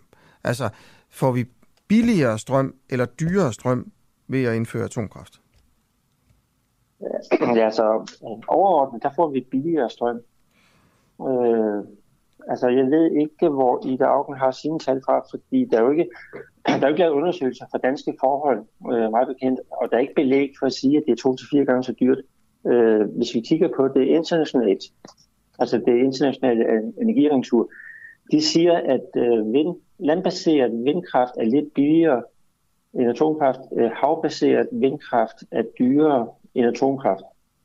Øh, og dertil skal man så lægge nogle systemopkostninger for vind, som til ekstra netter til, at øh, der sikkert der er kraftværker, der står stille, mens vinden blæser. Øh, så det samlede billede, øh, det er nok, at kernekraft er den billigste løsning ja. øh, i kombination med noget vind. Så vi kan godt sige her, at Ida Augen fra Socialdemokratiet, øh, sådan i forhold til fakta, tager fejl, når hun siger, at atomkraft er to til fire gange så dyrt som vindmøllestrøm. Ja, det vil jeg mene. Så hvis vi ja. ser på landene omkring os, øh, så er det ikke den konklusion, der kommer frem til. Mm. Okay.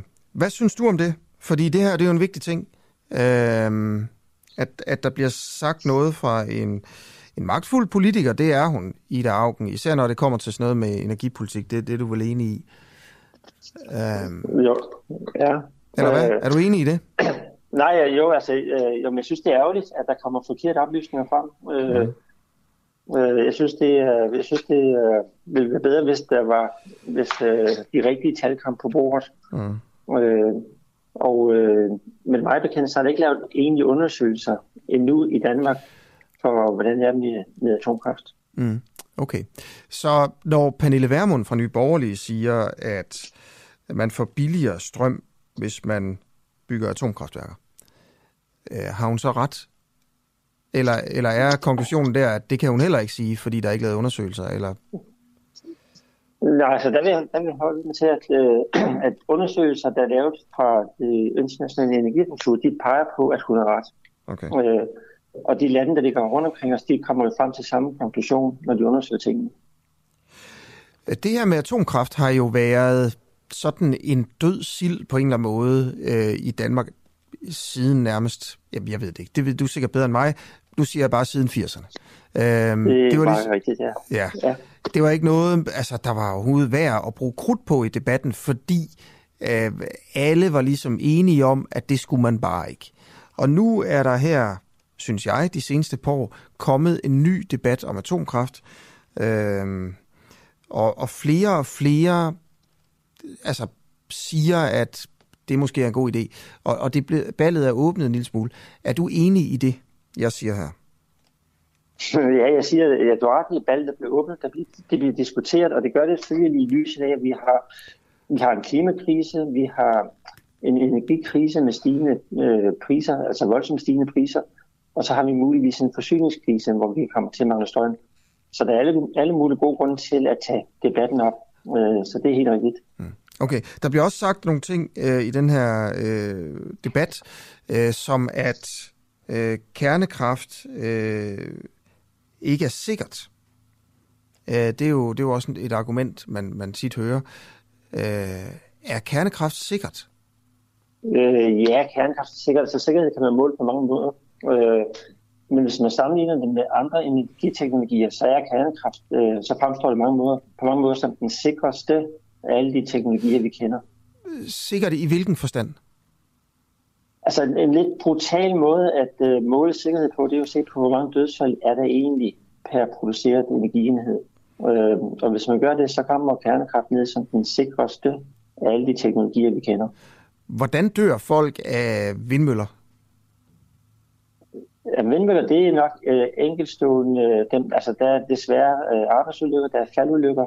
Øh, så, så det kommer sådan lidt, øh, nu ikke, om jeg bruger det ikke over drøbvis, men øh, der sker ulykker. Øh, der sker ulykker, når der er teknologi og mennesker til stede. Okay. Og, øh, og det, øh, det tæller sig med i det regnskab. Okay. Så når man ser på, hvor mange dødsfald der er øh, per produceret strøm fra en vindmølle øh, eller fra et atomkraftværk, øh, så er der faktisk flere, der dør, når man vælger at bygge vindmøller. Ja, det tyder det på. Det tyder det historiske tal på. Okay. Altså, synes du personligt, at man skulle begynde at få bygget nogle øh, atomkraftværker i Danmark? Hvis jeg bare spørger dig helt her, hvis du tager, så kan du komme med alle nuancerne bagefter. Altså, nu bliver du diktator i Danmark, og du skal svare, svare ja eller nej på spørgsmålet her. Ja, nu er ingen ambitioner om vi diktator. Jeg synes, man skal undersøge det. Altså, jeg, jeg tror på, at det giver en rigtig, at det giver rigtig god mening. Jeg mener ikke, at vi har beslutningsgrundlaget helt endnu, men jeg synes, vi skal, vi skal fjerne den lovgivning, som hedder, vi ikke må atomkraft, eller ikke må diskutere det. Vi skal have en teknologineutral tilgang til det, og så skal vi finde den bedste løsning. Men hvad er det, der mangler at blive undersøgt? ja, og det kan meget vel være, at atomkraft er den bedste løsning for Danmark. Hvad er det, der mangler at blive undersøgt? Jamen, vi, vi øh, mangler at se på, hvordan er det med, med økonomien, hvordan er det med, øh, med indpasning i forhold til vores øvrige energiforsyning. Øh, vi skal finde en placering, der er... Altså, der er nogle ting, som, som skal undersøges. Det er reelt ikke blevet undersøgt siden en gang i, i 1970'erne, og der er sket meget siden dengang. Så altså alle de ting, det, skal vi have, det synes jeg, vi skal have styr på, så vi kan få et, et, øh, et ordentligt beslutningsgrundlag. Okay. Jeg kommer lige, prøv lige at komme med et ledende spørgsmål her til sidst. Uh, Bent, du er sektionsleder på DTU Fysik. Uh-huh. Ude på DTU Fysik, der sidder I en masse kloge mennesker og ved enormt meget om atomkraft, ikke? Der sidder uh, nogle stykker. I, uh, altså, når I sidder og spiser jeres madpakke, og ryger jeres piver, det gør jeg nok ikke længere, men det er jo sådan bare fordom omkring, hvordan det foregår på DTU Fysik. I sidder der i, i kantinen og snakker om atomdebatten. Og debatten om atomkraft og hvordan det foregår. Øhm, hvor, altså, hvad, hvad snakker I så om? Ja, så det uha, det var, da, det var det brede spørgsmål. Ja. Øh, og, og det jeg mener med det, det er i virkeligheden, det er, det der det lidende kommer ind.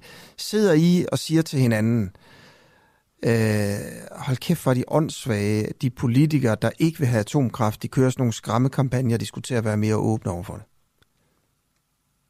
Ja, altså, altså indrømme, der er lidt frustration over, hvis der, hvis, øh, hvis der kommer forkerte oplysninger frem. Øh, der er mange myter, der er forbundet med atomkraft, og, og øh, vi kan ikke undgå som, som øh, videnskabsfolk, at vi er lidt frustrerede, når der kommer decideret forkerte oplysninger fra. Hvem er I mest frustreret over? Hvilken side i debatten er I mest frustreret over? Dem, der gerne vil have atomkraft, eller dem, der ikke vil have det? Ja, det kan være, det kan være begge sider, sådan set. Øh, Men hvad er I mest, hvilken side er I mest frustreret over? Ej, jeg vil sige, jeg vil sige debatten har jo været præg af, nok i mange år brugt præg af, der er mange myter, øh, som, som øh, er forkert omkring atomkraft. Altså, altså folk, der er modstandere af atomkraft, de, de øh, nævner ting, som sådan set ikke holder vand.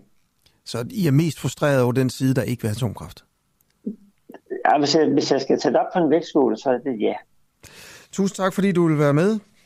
her til morgen. Ja, Bent Lauritsen, sektionsleder øh, på DTU Fysik. 12 minutter over 8 denne mandag morgen. Et par nyheder fra morgenen.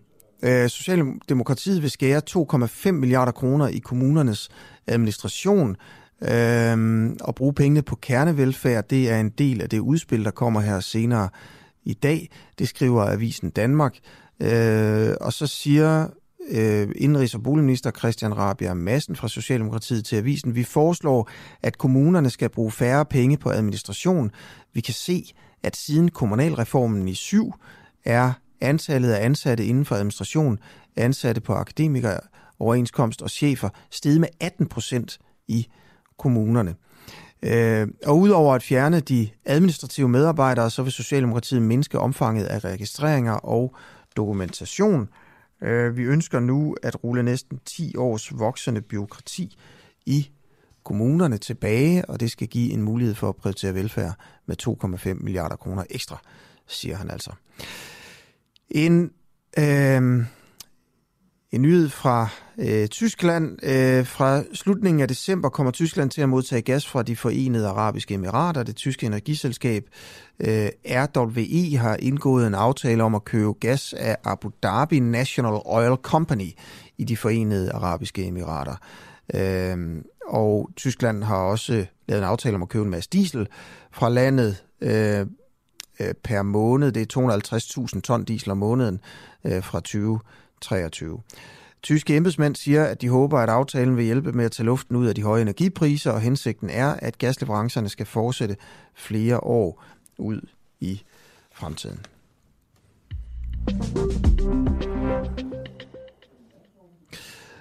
Okay, øh, jeg skal tale med Alternativets øh, dyrevelfærdsordfører lige her om 10 minutter om mink, og så skal jeg ringe til Rasmus Tandholt, TV2's udenrigskorrespondent, øh, efter det. Og så skal jeg tale med en mand øh, senere her, det er klokken kvart i ni, der hedder Lars Lykke, og det er ikke den Lars Lykke, det er en anden Lars Lykke, jeg skal tale med.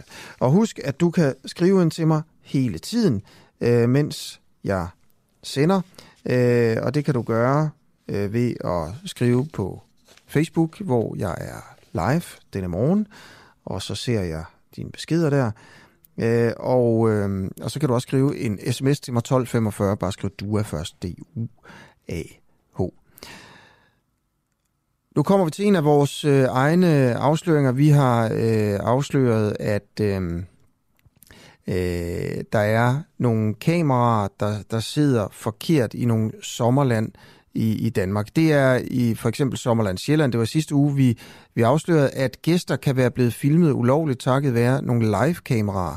Det skulle egentlig være et sjovt tiltag, øhm, men man kunne sidde derhjemme og styre dem for eksempel i badelandet. Og så kunne man sidde og optage det, man så på sin egen computer, og så kunne man øh, via de her live-kameraer simpelthen sidde derhjemme og øh, altså, navigere efter, øh, hvilke børn man gerne ville... Øh, ville kigge på.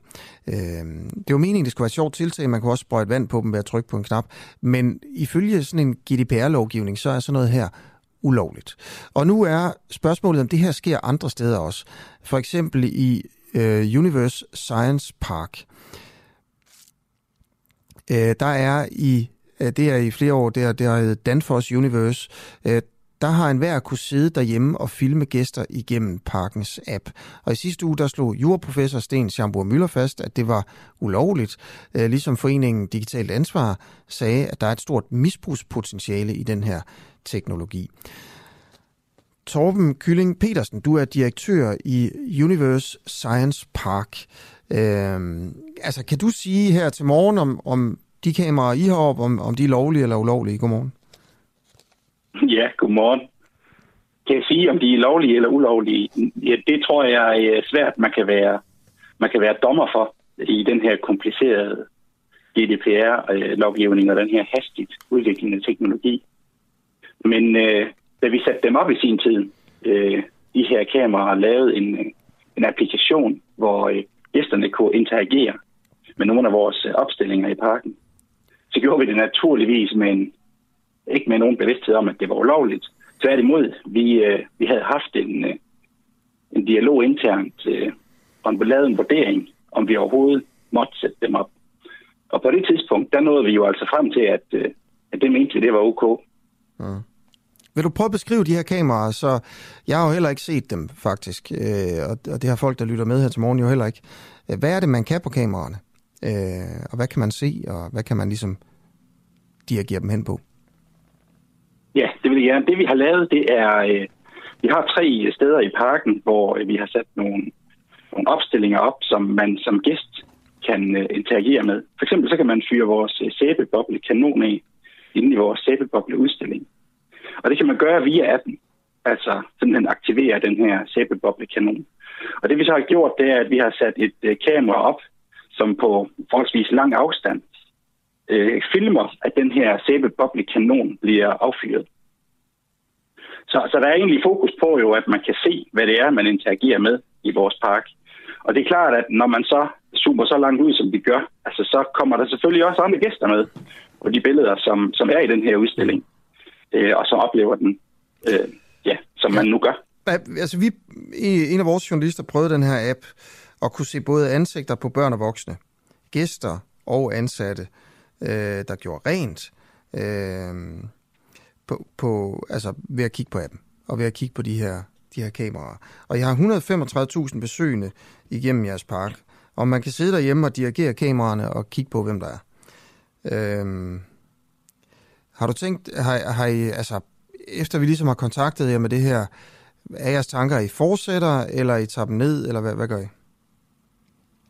Ja, jeg vil lige korrigere dig, fordi vi har ikke, øh, altså gæsterne har ikke nogen mulighed for at styre kameraerne.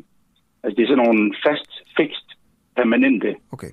øh, kameraer. Så, så du ved, vi har jo indrettet dem efter, at de primært fokuserer på selve den opstilling, som man, man leger med og interagerer med i parken. Okay, det må du undskylde. Jeg tror også, det vigtige er, at man kan se ansigter på børn og voksne og gæster og, og ansatte, ikke? Ja, altså det, det tror jeg ikke helt, man kan udelukke, at man faktisk kan se ansigter på gæster, som også er i opstilling. Det er jeg helt enig med dig i. Det tror jeg, man vil kunne. Mm. Ja. Altså vi har, øh, dengang vi satte dem op, det vil være nogle år siden, men der gik vores overvejelse rigtig meget på, om, øh, om, om de billeder, vi viste, var nogle situationsbilleder. Altså helt almindelige situationer af, af parken og livet i parken. Mm. Eller om det var nogle portrætbilleder, altså meget direkte med fokus på den enkelte gæst. Mm. Og i den overvejelse, som vi lavede dengang, der mente vi slet ikke, at vi var i gang med at lave portrættering af gæster. Nej. Så kan jeg så forstå, at den praksis er blevet lavet om i for nogle år siden af datatilsynet. Og jeg tror, at hvis vi havde lavet den her vurdering i dag, og skulle lave den igen, så ville vi jo nok være noget mere i tvivl, ja. om, vi skulle, øh, om vi skulle sætte det her op. Altså, øh, juraprofessor Sten Schamburg Møller, han siger, at hvis personer er genkendelige på billederne, så er det et brud på GDPR-loven, så er det ulovligt. Øh, ja. Vil I dem være kameraerne, eller tager I dem ned, eller hvad gør I nu? Altså, vi har faktisk på jeres øh, henvendelse valgt at slukke dem. Nå. Øhm, fordi øh, altså, vi er jo med på, at den her lovgivning udvikler sig hele tiden, og, og teknologien bliver jo skarpere og skarpere, kan man sige, og det samme gør reglerne. Og vi har jo ikke til sind at lave noget som helst øh, ulovligt i vores park, slet ikke. Så, så man kan jo sagtens interagere med de her opstillinger også, selvom ja. der ikke er noget kamera på appen. Så vi har sådan set valgt at slukke kameraerne for nuværende. Okay. Og da vi alligevel er i gang med en opdatering i vores app, så, så vil jeg egentlig forvente, at, at det her videostream, det udgår. Ja, okay. Lad mig så prøve at spørge dig om noget, fordi det kan jo også være, at den her lov er åndssvag. Altså GDPR-loven, øh, som jeg ved jo, altså den handler om at beskytte øh, oplysninger om, om borgere og privatlivets fred og sådan noget. Mm. I, i, en, I en tid, hvor mange ting ligesom øh, bliver gemt digitalt, og, og man er mere udsat som borger, sådan, med det svære at skærme sig og skærme sit privat, privatliv i en meget digital verden. Øh, arbejdsgiver må ikke gemme telefonnumre og navne og billeder på ansatte, og øh, man må for eksempel heller ikke øh, filme på den her måde, som, som I gør, mener en juraprofessor i hvert fald. Øh, så, så det kan også være, at loven ligesom er for meget. Hvis jeg, sådan, hvis jeg skal spørge dig sådan rent moralsk, rent moralsk, er det okay at filme på den måde her, synes du, øh, i, i jeres, øh, i jeres øh, Universe Science Park, øh, hvor altså, man filmer nogle, nogle attraktioner, og det er sjovt igennem appen, det giver helt sikkert mening på en masse måder, men man kan også se nogle ansigter på folk, der, der er på besøg. Ja, altså jeg vil da sige, at selve lovgivningsapparatet, giver jo sådan set mening. Altså, intentionen med at beskytte folks digitale færden og personlige oplysninger, altså det er vi sådan set fuldstændig med på intentionen om. Men det vi oplever, det er, at den her lovgivning, jo mere man sætter sig ind i den, jo flere hjørner og krøller er der jo i, i, øh, i, din, altså i enhver virksomhed, som vil skulle gøre sig virkelig mange øh, detaljerede overvejelser om, hvad der er persondata og hvad der er i orden. Og jeg tror, jeg tror, man kan jo fordybe sig helt ned i detaljen og forglemme fuldstændigt, hvad det er, loven egentlig er sat i verden for. Altså den her overordnede beskyttelse af vores, øh, af vores gæster og, og persondata. Altså jeg, jeg mener jo, vi har jo lavet, øh, konkret har vi jo lavet en vurdering, dengang vi satte, øh, vi satte kameraerne op. Og jeg mener, det er jo det, der er hele intentionen med det her apparat, at man skal gøre sig de her overvejelser og man skal kunne stå på mål for, at det her det er rimeligt. Og som du selv siger, er det også moralsk i orden. Jamen, hvad så, vi har så... vurderet... Ja, hvad, hvad vurderer du med det? Er det moralsk i orden? Ja, vi har i hvert fald vurderet, da vi satte dem op, at det ja. var helt fint. Ja. Så, så, så din vurdering er også her, at GDPR-loven i det her tilfælde egentlig stopper noget, som er okay? Ja, altså jeg vil sige, at dengang vi satte dem op, var det okay. Ja, men altså, og det, det, vil være rigtig mange år, altså, det vil være rigtig mange år siden. Altså, hvordan, har moralen, altså, hvordan kan den moralske vurdering af det have ændret sig? Altså, fordi ja, det, det er synes fuldst... jeg egentlig også er mærkeligt. Jamen, det, men, men jeg spørger dig, jeg spørger dig. Nej, jeg spørger dig. Lovgiv, lov, lovgivningen har jo ændret sig. Ja, det er klart. Jeg så hvad vi, må, hvad vi må er jo defineret af loven. Ja, men her, her snakker vi om, om loven er rigtig. Det er derfor, jeg spørger dig om det moralske i det, ikke? Øh, fordi hvis du siger, at det skulle være fuldstændig amoralsk med de der, øh, øh, de der kameraer, ikke? Øh, fordi at man kan på en eller anden måde sidde og, og altså almindelige mennesker kan sidde på en eller anden måde og overvåge folk, der er henne i, i jeres park. Øh, for eksempel Lise Lotte Liggen Jørgensen skriver herinde på, på, på Facebook her øh, under interviewet her, så hvis en stalker ser, at offeret går rundt i en feriepark, så kan stalkeren tage hen til ferieparken, svømmehallen og så videre, og så angribe sit offer. Altså, det, det er en, du ved, det er jo selvfølgelig en, en, en ting situation, men, men det er jo så en, en holdning til, hvorfor det er forkert, det er amoralsk at have de her kameraer op. Øhm, så, så loven har ændret sig igennem tid, men hvad man kan se på kameraerne, og hvad man kan bruge dem til, det har jo ikke ændret sig en tød fra dengang, I satte nej, dem op nej. til nu. Uh, nej, nej, jeg sagde, jeg sagde jo også, at den vurdering, vi gjorde os dengang, vi satte dem op, det var, at det mente vi, det var helt ok. Ja. Det mener vi jo sådan set stadigvæk. Det mener vi bare konstatere jo. Ja. ja, det mener vi sådan set stadigvæk. Okay. Altså det vi, det vi bare kan konstatere, det er jo, at den her, den her lovgivning ændrer sig jo med lynens hast, i takt med, at teknologien også gør. Ja. Og der kommer nye regler på det her punkt hele tiden. Og jeg kan da sagtens forstå, når I henvender jer og spørger, om øh, det her det er inden for lovgivningens rammer, så kan jeg jo kun sige, at vi mente, det var ok, da vi satte dem op. Ja. Nu er vi godt nok i tvivl, da, når I nu bringer, øh, ja. når I nu bringer det frem, og derfor har vi slukket for streaming. Der er jo en jordprofessor, så det, så det er jo ikke, der er ikke nogen moralsk vurdering i det fra vores side andet, end nej, at konstatere, at at reglerne sådan set udvikler klart. sig. Det er klart. Og det er også fint grund til, at jeg tager det op på den måde, det er, fordi jeg også har en formodning om, at den her historie handler muligvis om, at folk sætter kameraer op alle mulige steder, og det er totalt åndssvagt at gøre, uden at tænke sig om. Det kan være, at I har gjort det. Men det kan også være, at historien her handler om noget helt andet, nemlig at GDPR-lovgivningen øh, altså er gået over gevind.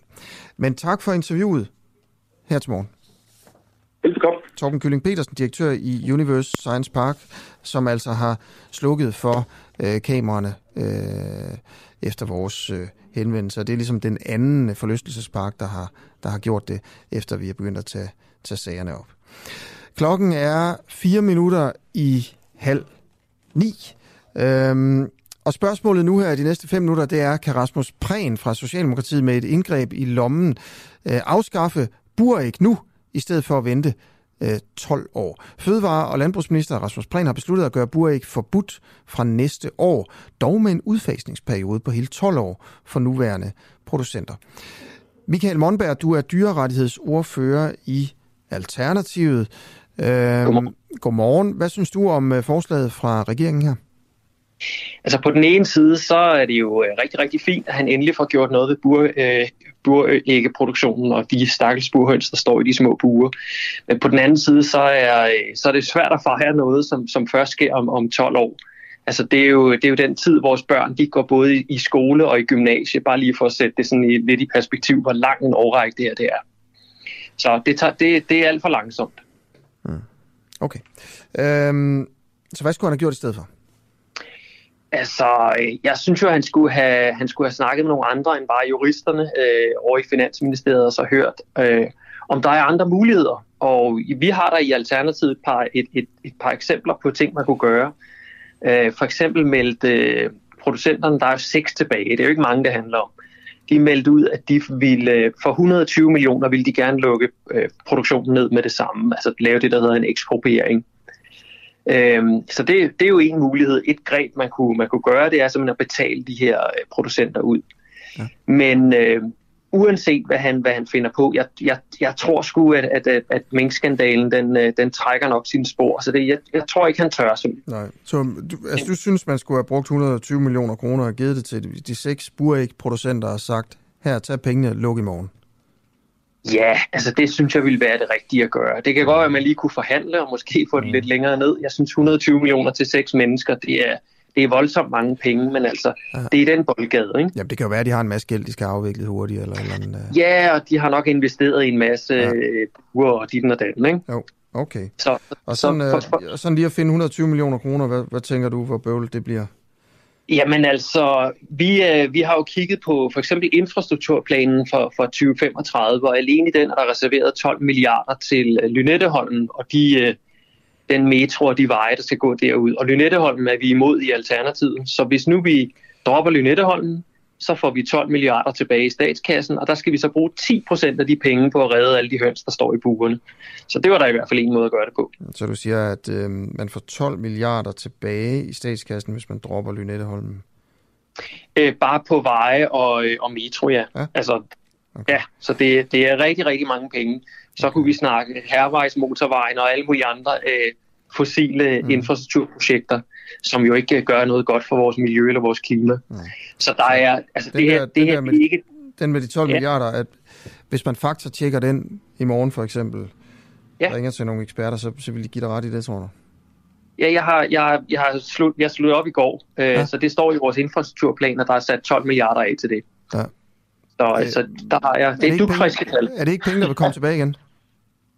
Øh, altså, de er sat af, så hvis man kan sætte af til, øh, til fossilvej og, og metro, ja. så mener jeg også godt, man kunne øh, finde pengene til at redde de høns her. Mm, okay. Jamen, det må Men, sige, det ja, ved jeg for lidt om simpelthen. Uh... Det er bare i orden. Men jeg synes, der er nogle andre ting, vi kunne gøre. Og det er, nu tror jeg ikke, at han vil ud og finde de penge her. Så det, jeg synes, vi skal gøre med, for at gøre noget godt for de høns her, det er, at vi skal lave en mærkningsordning. For et af de helt store problemer lige nu, det er, at der er burhønseæg, i en masse forskellige færdige produkter. De fleste supermarkeder de har udfaset dem, de sælger dem ikke sådan i helt form. Mm. Men som forbruger er det rigtig, rigtig svært at undgå at købe dem, selvom man faktisk er imod dem her. Ja. No. Og øh, der er altså en, øh, en særlig sønder her, og det er det offentlige. Det offentlige indkøb øh, har jo er blevet, er blevet slået i hovedet til at gøre det så billigt som overhovedet muligt, og derfor så er det offentlige forbruger af mm. buræg. Okay. Og det er jo lidt underligt, at man kan forbyde buræg, godt nok med en 12-års udfasningsperiode, men forbyde buræg med den ene hånd, og samtidig det offentlige staten, kantiner, øh, cateringordninger, mm. hvad der nu er, okay. så, så er man en af de helt store forbrugere af dem. Så to ting, der skal gøres. Ja. Vi skal have lavet en mærkningsordning, så man som forbruger kan se, at der er buræg i ens mayonnaise. Ja. Og vi skal stoppe de offentlige indkøb, så, så, at, øh, så, så der ikke går flere statspenge øh, til de her burhøns i hvert fald. Der er stadigvæk mange danskere, der køber buræg. Jeg gør det faktisk selv, øh, hvis, hvis de er mm. fordi de, det er de billigste. Øh, ja. Hvad gør du altså personligt, hvis du kommer til at spise et buræg? Jamen, jeg spiser slet ikke æg, så det, det er relativt simpelt. Okay. Øh, lad os prøve at tage debatten et andet sted hen, øh, simpelthen om det er så synd for, for øh, burhøns, øh, som, øh, som du siger. Vores gæstevært ja. i fredags, øh, Peter Ernstved, mm. han er chefredaktør på det, der hedder et forsvarsmedie, der hedder Olfi. Han interviewede professor i bioetik og tidligere formand for Dyreetisk Råd, Peter Sandø. Og han sagde, ja. at øh, skrabehøns ikke nødvendigvis har det bedre end burhøns, og at mm. det, det her det er ren symbolpolitik, at Rasmus mm. Prehn vil forbyde buræg. Prøv lige at høre, hvad, øh, hvad den tidligere formand for Dyreetisk Råd siger Gud zoologisk have, der hedder, sidder Bankiva-hønen ude. Det er jo den, som er stammoren til den moderne høne.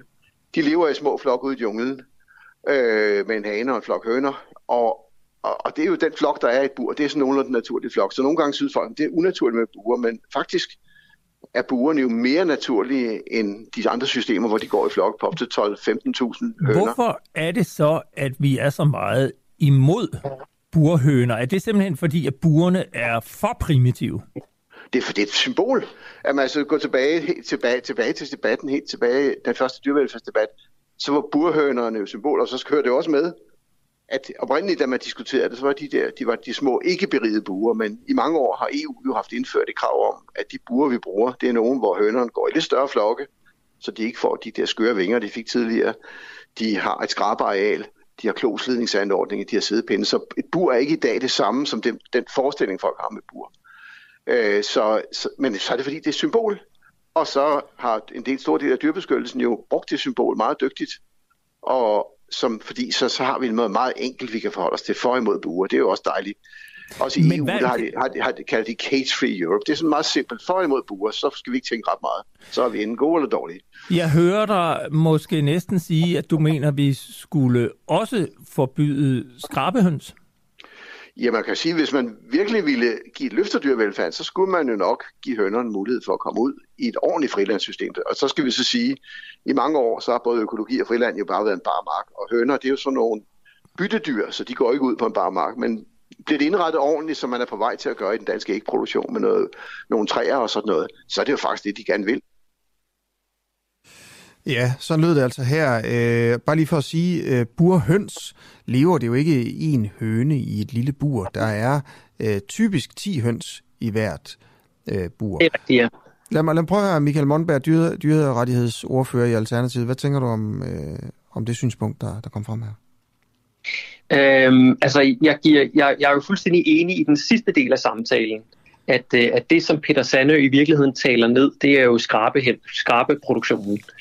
Øhm, så, så, så det, at vi står med to under, gør jo ikke, at vi ikke skal gøre noget ved det ene af dem.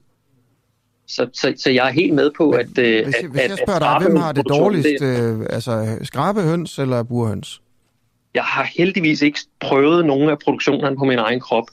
Så øh, det, det, jeg kan udlede af det her, det er, jo, det er jo, at begge produktioner er skidt for hønsene. Der er jo ikke nogen af dem, der til gode siger et, øh, et, et ordentligt liv. Hvad mener du med, så, at du ikke har prøvet det på egen krop? Jamen, jeg har jo ikke prøvet at være, at være hverken burhøns eller skrabehøns, jo. Øhm, nej, nej, men, men derfor kan du vel godt svare på, hvad der, eller hvad? Jamen, jeg synes ikke, du kan sammenligne det. Altså, det, nej, det, det, det er jo lidt som at blive spurgt om... Du har øh, prøvet at være økologisk høn, altså. Nej, nej, men, men vil du helst nives eller have en losing? Altså, begge dele gør ondt, ikke? Altså, så, så vi er ude i to produktioner, som ikke på nogen som helst måde til gode ser dyrenes trivsel. Øh, og derfor så skal vi have gjort noget ved begge dele. Okay. Nu lægger vi op til, at, øh, eller nu lægger Rasmus Prehn op til, at nu gør vi noget ved, øh, ved burhønsene, mm. og det synes jeg er rigtig, rigtig fint. Okay. Så må vi kigge på skrabehønsene øh, efterfølgende. Og så må det komme øh, efter. Okay, Michael Mondberg, tusind tak, fordi du vil være med her til morgen. Dyr, ja, tak skal du have. Det var slet. Dyrrettighedsordfører i Alternativet.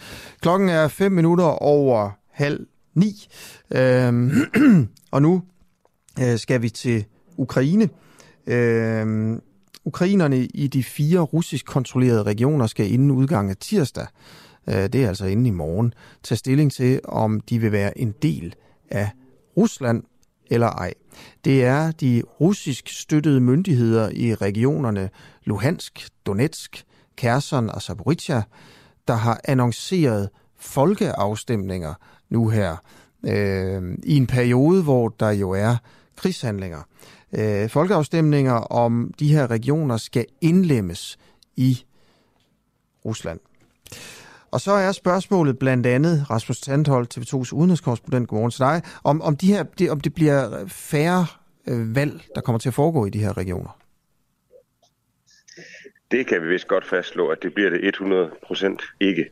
Det bliver derimod meget unfair valg. Jeg kan fortælle, at øh, vi lige har talt med en øh, kilde inde i de områder, hvor det bliver stemt, og hun øh, modtog i går en sms fra myndighederne, hvor der står, at om få dage sker det historiske, at området her bliver en del af den russiske federation, og derfor så skal øh, den øh, folkemilits her, der har været indtil videre, været en del af den russiske her. Det er sådan en besked, hun fik, og det er da lidt tankevækkende, kan man sige, at man et par dage inden resultatet foreligger, allerede ved, der sker det historiske, at området bliver en del af den russiske federation, og det er altså en sms, der kommer fra myndighederne. Det er altså lidt specielt, hvis uh, Socialdemokraterne i Danmark eller andre begynder at sende sms'er ud om valgresultatet, inden det foreligger. Uh, så det er bare et af mange eksempler på, at, at det her det er fuldstændig givet på forhånd. Hvad, hvad er der andre eksempler? Så er der de øh, eksempler, hvor øh, folk kommer ud derindefra, som vi øh, taler med, som øh, fortæller om, øh, hvordan øh, det foregår. Altså, de øh, blev vækket klokken, øh, eller vækket ved jeg ikke, men de blev i hvert fald øh, øh, antastet, havde han sagt. Der blev banket på deres dør klokken 08.45, øh, og der stod så øh, to øh, bevæbnede øh, russer, øh, altså militær folk, soldater, og så to valgtilforordnede, og så stod de med en stemmeseddel, og så skulle du så sætte kryds i ja eller nej. Og det er klart, at der er måske ikke så mange, der har lyst til, hvis der står en, to soldater fra en fremmed land, øh, som har besat det område, du bor i. Så der er ikke, måske ikke så mange, der har lyst til at sætte kryds i nej tak til øh, Rusland. Derudover, så har vi kendskab til en anden kilde, vi har talt med, som blev ringet op fra et valgkontor, og øh, hun fik at vide, at øh, de var meget begejstrede og glade, fordi hun havde været nede og stemme ja til Rusland, og hun kunne så fortælle, men de har slet ikke stemt, og hvordan kan jeg overhovedet vide, altså, hvor, hvor mit navn er registreret. Altså forestil dig, at et valgkontor i Danmark begynder at ringe op til dig og sige, mm. tusind tak, fordi du har stemt på konservative, eller hvad det nu stemmer på. Altså, det, det, det er sådan, mm. det, det, det, der foregår så mange ting, så det er fuldstændig tydeligt, det er, det er fuldstændig øh, fake, det her valg. Okay, det, det er åndssvagt valg, øh, og man kan ikke lægge noget i det. Hvad er dit bedste Nej. bud på, hvad folk vil stemme på her? Øh, hvis, hvis, der var, hvis vi nu siger, at vi går 10 år tilbage i tiden, ikke? Til, mm. til 12, ja.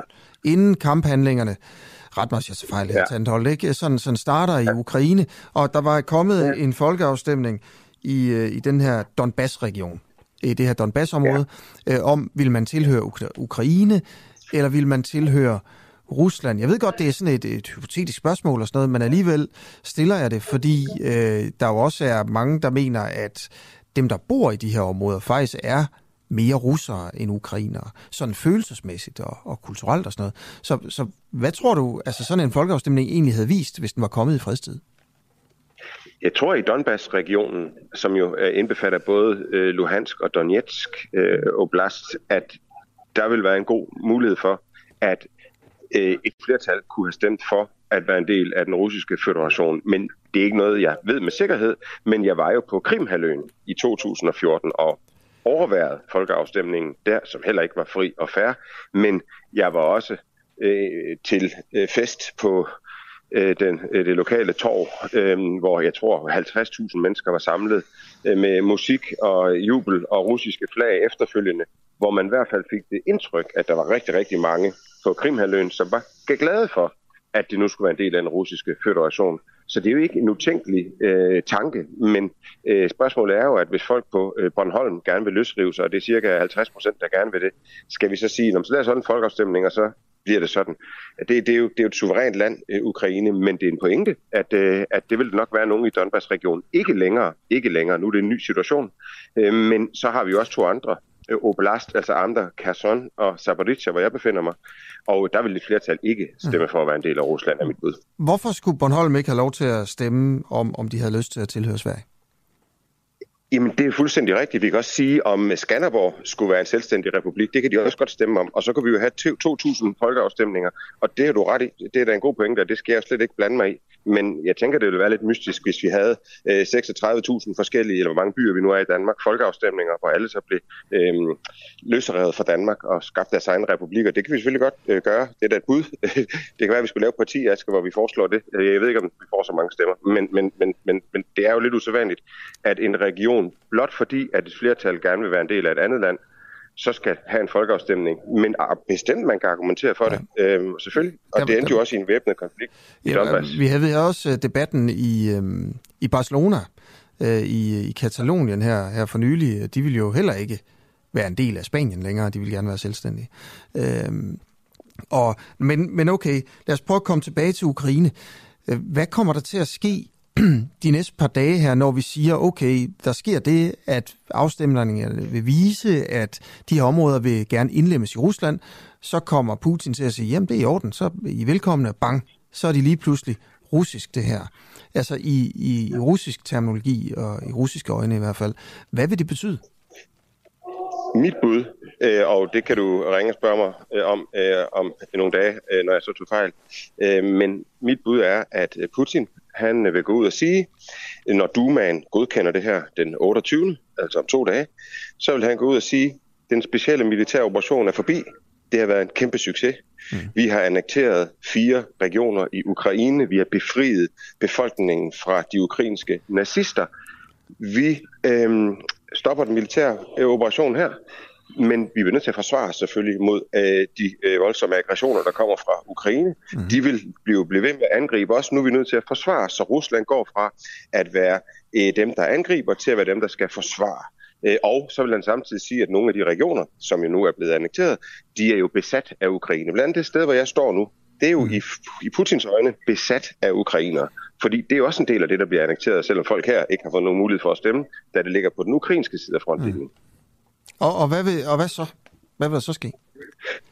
Så vil Putin jo kunne sige, prøv her, altså, I siger, at hvis, øh, hvis jeg bare stoppede med at slås, så vil krigen stoppe. Nu siger jeg til jer, Ukraine og til den vestlige verden, hvis I stopper med at slås, mm. jamen så stopper krigen. Mm. Og så har jeg de her områder.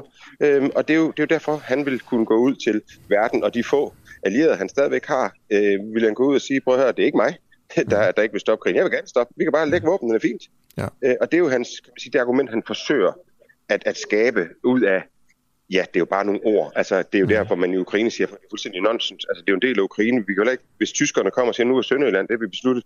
Vi kan også holde en folkeafstemning i Danmark og sige, Rusland skal nu være en del af Danmark. Mm. Og det er vi så stemt om i Danmark. Men russerne får ikke lov til at de bliver ikke spurgt. Og det samme, der er jo mange af de her regioner, Asger, som, som jo ikke er fuldt kontrolleret af Rusland. Det vil sige, at, at, at, at, at, at Donetsk-regionen, der har Rusland cirka halvdelen, men den anden halvdel, som er, som er kontrolleret af Ukraine, de mennesker får ikke lov til at, at, at stemme. Okay. Tandhold, det, det, det, det, det, hvor, hvor er du henne nu her, og hvad dækker du i dag? Ja, jeg er i Zaporizhia-regionen i den by, der hedder Zaporizhia, som jo altså ligger på den ukrainsk kontrollerede side af frontlinjen. Og det vi dækker i dag, det er en, en flygtningelejr, vi har været ude ved, hvor der jo stort set kun bliver kvinder med deres børn, fordi mændene enten nu er slås, eller så er de i den russisk kontrollerede del af regionen for at passe på det hus, som kvinderne forlod med deres børn. Mm. Øhm, og det er jo en speciel situation, og de frygter jo lige præcis den her annektering, fordi hvad betyder det for dem i forhold til at kunne komme tilbage? Altså, øh, øh, kommer det til at ændre noget, at det nu bliver Rusland officielt? Øhm, det har de jo ikke lyst til øh, at komme tilbage til, som de siger til os. Okay, og hvis man altså vil høre mere om det her, så er det jo selvfølgelig at gå ind og tænde for TV2, ikke? Hvor du jo rapporterer fast, Rasmus Standholdt. Så tak fordi ja. du ville være med. Det er så lidt. Og klokken er kvart i ni nu her. Øh, jeg skulle lige til at sige, at det bliver spændende at se, hvad det ender med med de her folkeafstemninger. Men det er jo så nok øh, måske det, øh, det overhovedet ikke øh, gør. Altså det bliver ikke en skid spændende, fordi øh, vi ved godt, hvad resultatet bliver. Øh, det spændende bliver jo så, om det her vil ændre krigens gang. Øh, øh, eller, eller ikke. All right. Der er et kvarter tilbage af dagens udsendelse. Øh, og vi har nu den, den falske Lars Lykke med på øh, linjen. Godmorgen. Godmorgen. Godmorgen. Du lyder jo heller ikke som, uh, som Lars. Du må også høre det, at vi skal slet ikke snakke med dig, fordi du hedder Lars Lykke. Uh, men... Nej, men jeg vil nu lige fremhæve, at jeg, som jeg sagde tidligere sagt, opfatter mig som den rigtige Lars Lykke, men lad, lad det nu ligge. Ja, det er klart. Og det må da også være pisse irriterende at hedde Lars Lykke. Altså, man, du, har fået, du må ja. få det hele tiden, ikke? Yes. Ja. ja, præcis. Så gider du ikke snakke mere om det. Prøv, du er journalist Nej. ved det nordjyske mediehus, ikke? Øh, og vi skal jo. snakke om en sag øh, op fra jer. Spar Nords tidligere ja. kommunikationsdirektør Ole Madsen har tilstået millionsvindel for 20 ja. millioner kroner. Det er jo ret usædvanligt, det her, at, øh, at øh, en, en direktør i en bank øh, svindler for 20 millioner kroner. Øh, vil du, du kender sagen, du har dækket den. Øh, Øh, vil du prøve at beskrive, hvad det er, han har gjort? Ja, det Ole Madsen har gjort, som han har øh, tilstået, det er, at han i en øh, periode fra 2009 til 2020 har franejet øh, Spanor i alt omkring 20,5 millioner kroner. Og det har han gjort dels ved at udstede nogle falske fakturer til sit og øh, et andet familiemedlems selskab, altså et falsk faktura i den for, forstand, at den ikke har dækket over nogen reel leverance, og så har han selv anvist den og fået de penge udbetalt. Og så har Ole Madsen også i mindre omfang, mindre og mindre, altså for nogle 100.000 kroner, misbrugt sit, øh, hvad hedder det, øh, Spanor øh, kreditkort, altså det kreditkort, han har øh, i, øh, i egenskab af kommunikationsdirektør til at foretage private indkøb. Og de to øh, hvad hedder det, handlinger, de to, to øh, søjler af svindel summer så op til de 20,5 millioner kroner cirka over de 11 år, hvor svindlen er foregået. Hvem er Ole Madsen? Ja, Ole Madsen var blev ansat tilbage i øh, 2005 i øh, Spanor, hvor han skulle tage sig af det, som dengang blev øh, kaldt stakeholder, stakeholder-relationer, altså relationer til omverdenen. Ret hurtigt fik Ole Madsen en mere og mere central placering, og i løbet af nogle år varetog han det, de funktioner, som vi, vi nok alle sammen ved, hvad indebærer, hvis man anvender termen kommunikationschef og senere kommunikationsdirektør. Og i de seneste år blev Ole Madsen også i Spanor ansvarlig for forretningsudvikling og Spanors investeringer i, i andre, hvad skal man sige, typer af virksomheder inden for det, der hedder fintech, altså øh, finansiel innovation. Så han fik en central placering både på det kommunikationsmæssige og, og, og marketingmæssige område i Spanor, men også med hensyn til, øh, til øh, Spanors forretningsudvikling og, og investeringer i øvrigt. Så det har været en, han var i stigende grad en central placeret medarbejder mm. øh, i helt til tops i, øh, i ledelsen i, i uh, Spanor. Ja, og et, et, et hele, altså, har, vi, har vi at gøre med en familiemand her, der bor i et parcelhus? Og... Vi har vi øh, har at gøre med en øh, person, der har øh, der er gift og har to børn og bor, nu vil jeg ikke nævne, hvor det er hensyn til familie, men som bor i, øh, i en øh, villa i Aarhus. Ja. Ole Madsen har en uddannelsesmæssig baggrund, der er lidt utraditionel i forhold til øh, den funktion, som vi kender ham fra i Spar Nord, nemlig han er uddannet øh, inden for humaniora og øh, så vidt jeg husker noget med, med, med kunst eller sprog, og har ingen uddannelse inden for økonomi eller, det, eller, eller hvad skal man sige, de mere hårde områder. Så han havde en øh, egentlig en lidt usædvanlig karriere i forhold til den uddannelsesmæssige baggrund, han har. Okay. Og det her med, at han så øh, bliver dømt, øh, altså han har tilstået millionsvindel her for, for 20 millioner kroner, øh, falske fakturer og misbrug kreditkortet, ikke? Ja. Øh, hvordan starter det for ham? Øh, altså, ja, Hvordan starter det? Ja, altså Ole Madsen har jo selv beskrevet, øh, hvad hedder det, at øh, altså vi kan jo se, at han er jo på et andet tidspunkt i 2009 trådt over den grænse, der hedder, at han er begyndt at misbruge sin stilling til at, at, at franare Spanor via falske fakturer og anvende sit, øh, sit øh, betalte øh, Mastercard. Han har selv forklaret øh, sin adfærd, sin svindel, øh, med en psykisk lidelse, som har gjort, at han, og nu citerer jeg, har haft en, en helt usædvanlig, øh, hvad hedder det, ekstrem risikoadfærd, nu citerer jeg, og købetrang. Det er lidelse, og, og jeg kan sige det her ikke fordi jeg er psykiater, men fordi Ole Madsen selv har forklaret det til forskellige, øh, hvad hedder det, til forskellige medier, noget, der hedder bipolar effektiv sindslidelse. Jeg er ikke psykiater eller har nogen speciel sagkundskab. Men altså det er det, han selv øh, forklarer, nemlig at han i de her maniske perioder, som jeg tillader mig at kalde det, har øh, haft den her ekstreme risikoadfærd og købetrang. Og så har han også sagt eller lagt vægt på Ole Madsen, og det er selvfølgelig svært at vurdere udefra, at der har været et totalt fravær af kontrolmekanismer i Spar Nord. Øh, det læser jeg sådan, han siger, at han er ikke blevet bremset, fordi der ikke var nogen kontrol øh, på, hvad han foretog sig. Men der skal du jo så lige, der skal man skal jo så lige huske, at Sparno, hvad hedder det, med den rang, han ligesom har haft i øh, Sparno Ole Madsen, der har han jo haft et årligt budget, hvor han har kunnet afholde nogle udgifter på sit område. Og så længe det gjort, går, øh, hvad hedder det, gik godt, at han har holdt sig inden for sit øh, budget, så tror jeg ikke, og han i øvrigt blev betragtet som en succesrig medarbejder og, det kan jeg skrive under på, fordi jeg havde med, meget med ham at gøre, som, fordi jeg dækkede finans, eller dækker finansområdet også. Jamen så er der jo, så længe man er en succes, og man holder sit budget, så tror jeg, i al fairness, man må sige, så har Spanien måske ikke haft den store årsag til at, at, at, at bede Ole Madsen om at, øh, hvad hedder det, at gennemgå Ole Madsens øh, regninger. Øh, det, det her, det er jo også, jeg tænker på det hver gang, vi støder på sådan en sag her. Nu er det så i den private sektor i Spanor, ikke? En mand, der, der, der formår at hive en masse penge ud øh, af, af sit firma og ind på sin egen konto. Øh, gennem regnskabsafdelingen jo faktisk. Og så, mm. øh, vi havde også, hvad hed hun, hende, hende i den offentlige, Bettina, eller hvad hed hun? Hende, Rita Nielsen, ikke? Rita Nielsen, ja, der tog til yeah. Sydafrika. Og hun gjorde også lidt det samme, altså. Og det var jo faktisk, altså, der er jo et eller andet med det der med, at de sådan lige satte deres egen, øh, der, deres eget øh, bank, bankkonto-nummer ind på, på sådan nogle fakturer og sagde, at den her faktura skal lige betales og sådan noget. Ikke? Øhm, altså, så tænker man jo selvfølgelig, kan jeg vide, hvor mange andre, der gør det, der aldrig bliver opdaget? Øh, men, men det kan du selvfølgelig ikke svare på. Men kan du prøve at forklare, hvordan helt konkret han gjorde det med de her falske fakturer? Altså, kan du give et eksempel på en faktura? Og, og men det har man jo gjort, hvis vi siger, at vi er i 2013, og øh, Ole Madsen er, er ude i en af de øh, mange tilfælde, hvor han, øh, hvad hedder det, agter at franarse bare penge. Ja.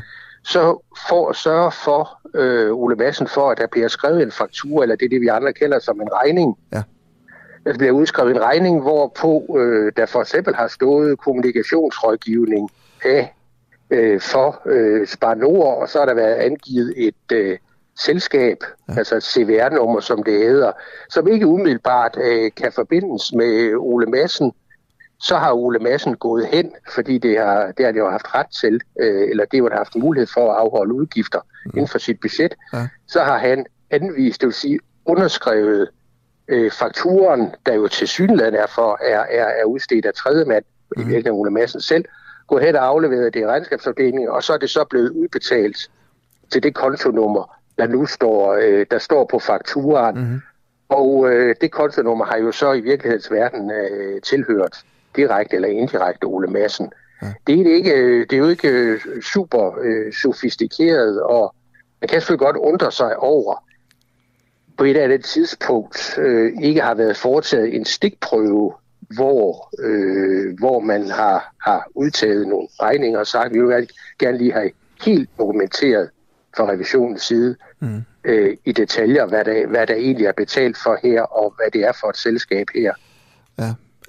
Ja. Men, øh, men, ja, men, men, men, men, men altså, ja, man skal også i al fairness sige, at, at efter det her, øh, så hvad hedder det, øh, i gang satte Spar Nord en gennemgribende revision eller unders- intern undersøgelse af alle, jeg tror det var de øverste 15-20 ledere, eller 50 måske mm. endda, i Spanor, der fik gennemgå alle deres, hvad skal man sige, udgifter på vegne af Spanor. Mm. Øh, og øh, der var altså ifølge Spanor ikke noget at komme efter, så det har mm. været Ole Massens, øh, hvad hedder det, øh, isoleret eller solo svindel. Men man har så også meddelt, og det kan man jo selv fortolke på, at man har strammet op på de interne kontroller i Spanor efterfølgende.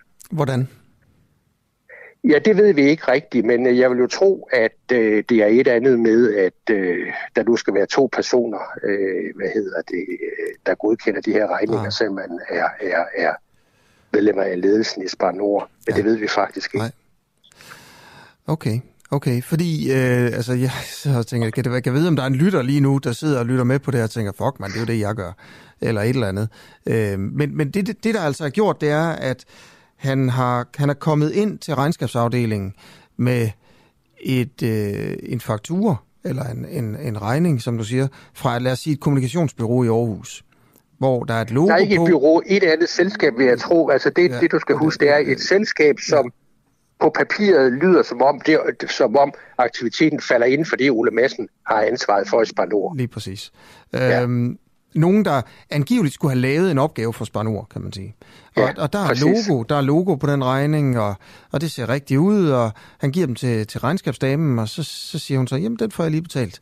Og så betaler ja. hun Men det hun så ikke opdager, det er, at det er, øh, det er hans kontonummer og registreringsnummer, der står dernede. Så pengene ryger Præcis. hen til en konto, der, der tilhører ham. Hvordan skulle hun også kunne opdage det? Jo, altså man kunne jo, man kunne jo udtage, øh, man kunne jo teoretisk, hvis man nu udtog en af Ole Massens regninger gennem årene til øh, nærmere grænsning, altså for eksempel i form af en stikprøve ja. af, af, regninger i Spar Nord, så kunne man jo give sig til at undersøge, man kunne selvfølgelig godt finde ud af, hvem ejer, hvem står egentlig bag det her selskab, ja. bede om oplysninger om det udover. Og så kunne man, nu er det her lidt hypotetisk, jeg vil da mene, at så ville der da have været mulighed for, at Spar Nords interne revision havde opdaget, at det var en, et, et lukket kredsløb, hvor det der, man, som Ole Madsen, eller som angiveligt var sådan en, en, en, en vareleverance til Spar Nord, virkelig dækket over en indsigt, som han havde, mm. som var havnet hos, øh, som han kom til at kontrollere. Det vil jeg da sige, altså som udgangspunkt, kunne nok have ladet sig gøre. Du dækker jo, sagde du også, finanssektoren her. Det sidste spørgsmål til dig her er, øh, den måde, som man har haft kontrol på i Spanor, ikke? Øh, har jo kunne øh, altså gøre sådan, at det her kunne lade sig gøre. Er, ja. er den måde, man kontrollerer på i Spanor har gjort det indtil videre, er det en unormal måde at kontrollere på i danske virksomheder, eller en normal måde? Altså, jeg, jeg vil som øh, udgangspunkt tro, at øh, Spanor øh, er bare et eksempel på, hvad jeg tror kunne lade sig gøre i mange virksomheder. Og det tror jeg ikke, man skal se, eller mange, eller nogen finansielle virksomheder, kunne det også have set den her skandale i. Og det tror jeg ikke, man skal pege fingre af, af hvad hedder det, øh, banker og finansielle virksomheder af, fordi jeg tror, dels at det er jo baseret, tror jeg også, at det er et udtryk for, at, at vi, og så især i Danmark, jo har tillid til hinanden, og det har vi selvfølgelig også tillid til, at sine øverste medarbejdere, eller at alle medarbejdere ikke er ude på at begå svindel om, om, om, om, om malkekassen. Og så skal man så også lige huske, selvom, selvom 20,5 millioner kroner er uendelig mange penge for os normale mennesker, så skal man lige huske, at hvis man ser på virksomheden Spar Nord, ja. øh, så er det her vel så er den her samlede svindel jo det, som øh, Spar Nord på en enkelt dag, dag har i renteindtægter. Jeg tror, at det er meget mere. Så vi skal lige huske ja. altså proportionerne også. Og Ole Madsen har jo holdt sig inden for det budget, han det, havde for det. At, at afholde omkostninger. Så, okay. så det hører selvfølgelig også med til det billedet. Det med. Lars Lykke, journalist for Nordisk Mediehus. Tusind tak, fordi du vil være med her til morgen. Du er velkommen. Godt. Og så siger jeg tak for øh, det i dag, og det er faktisk også min sidste gang her på Den Uafhængige bag mikrofonen. Jeg øh, er ude af, af Den Uafhængige, øh, og det her det er sidste gang, jeg er med. Der er en masse af jer, der skriver ind, at øh, det har været en fornøjelse, og det vil jeg bare sige lige måde. Det har øh, været en kæmpe fornøjelse og privilegium at være med til det her. Øh, og Lise Lotte skriver, at hun husker dengang, jeg startede det hele, og min familie var med øh, og kom i baggrunden, og det er rigtigt, og det startede bare øh, som, som noget helt, helt andet end det der nu. Øh, så tak til alle jer, der har skrevet ind. Og klokken er øh, 9 nu.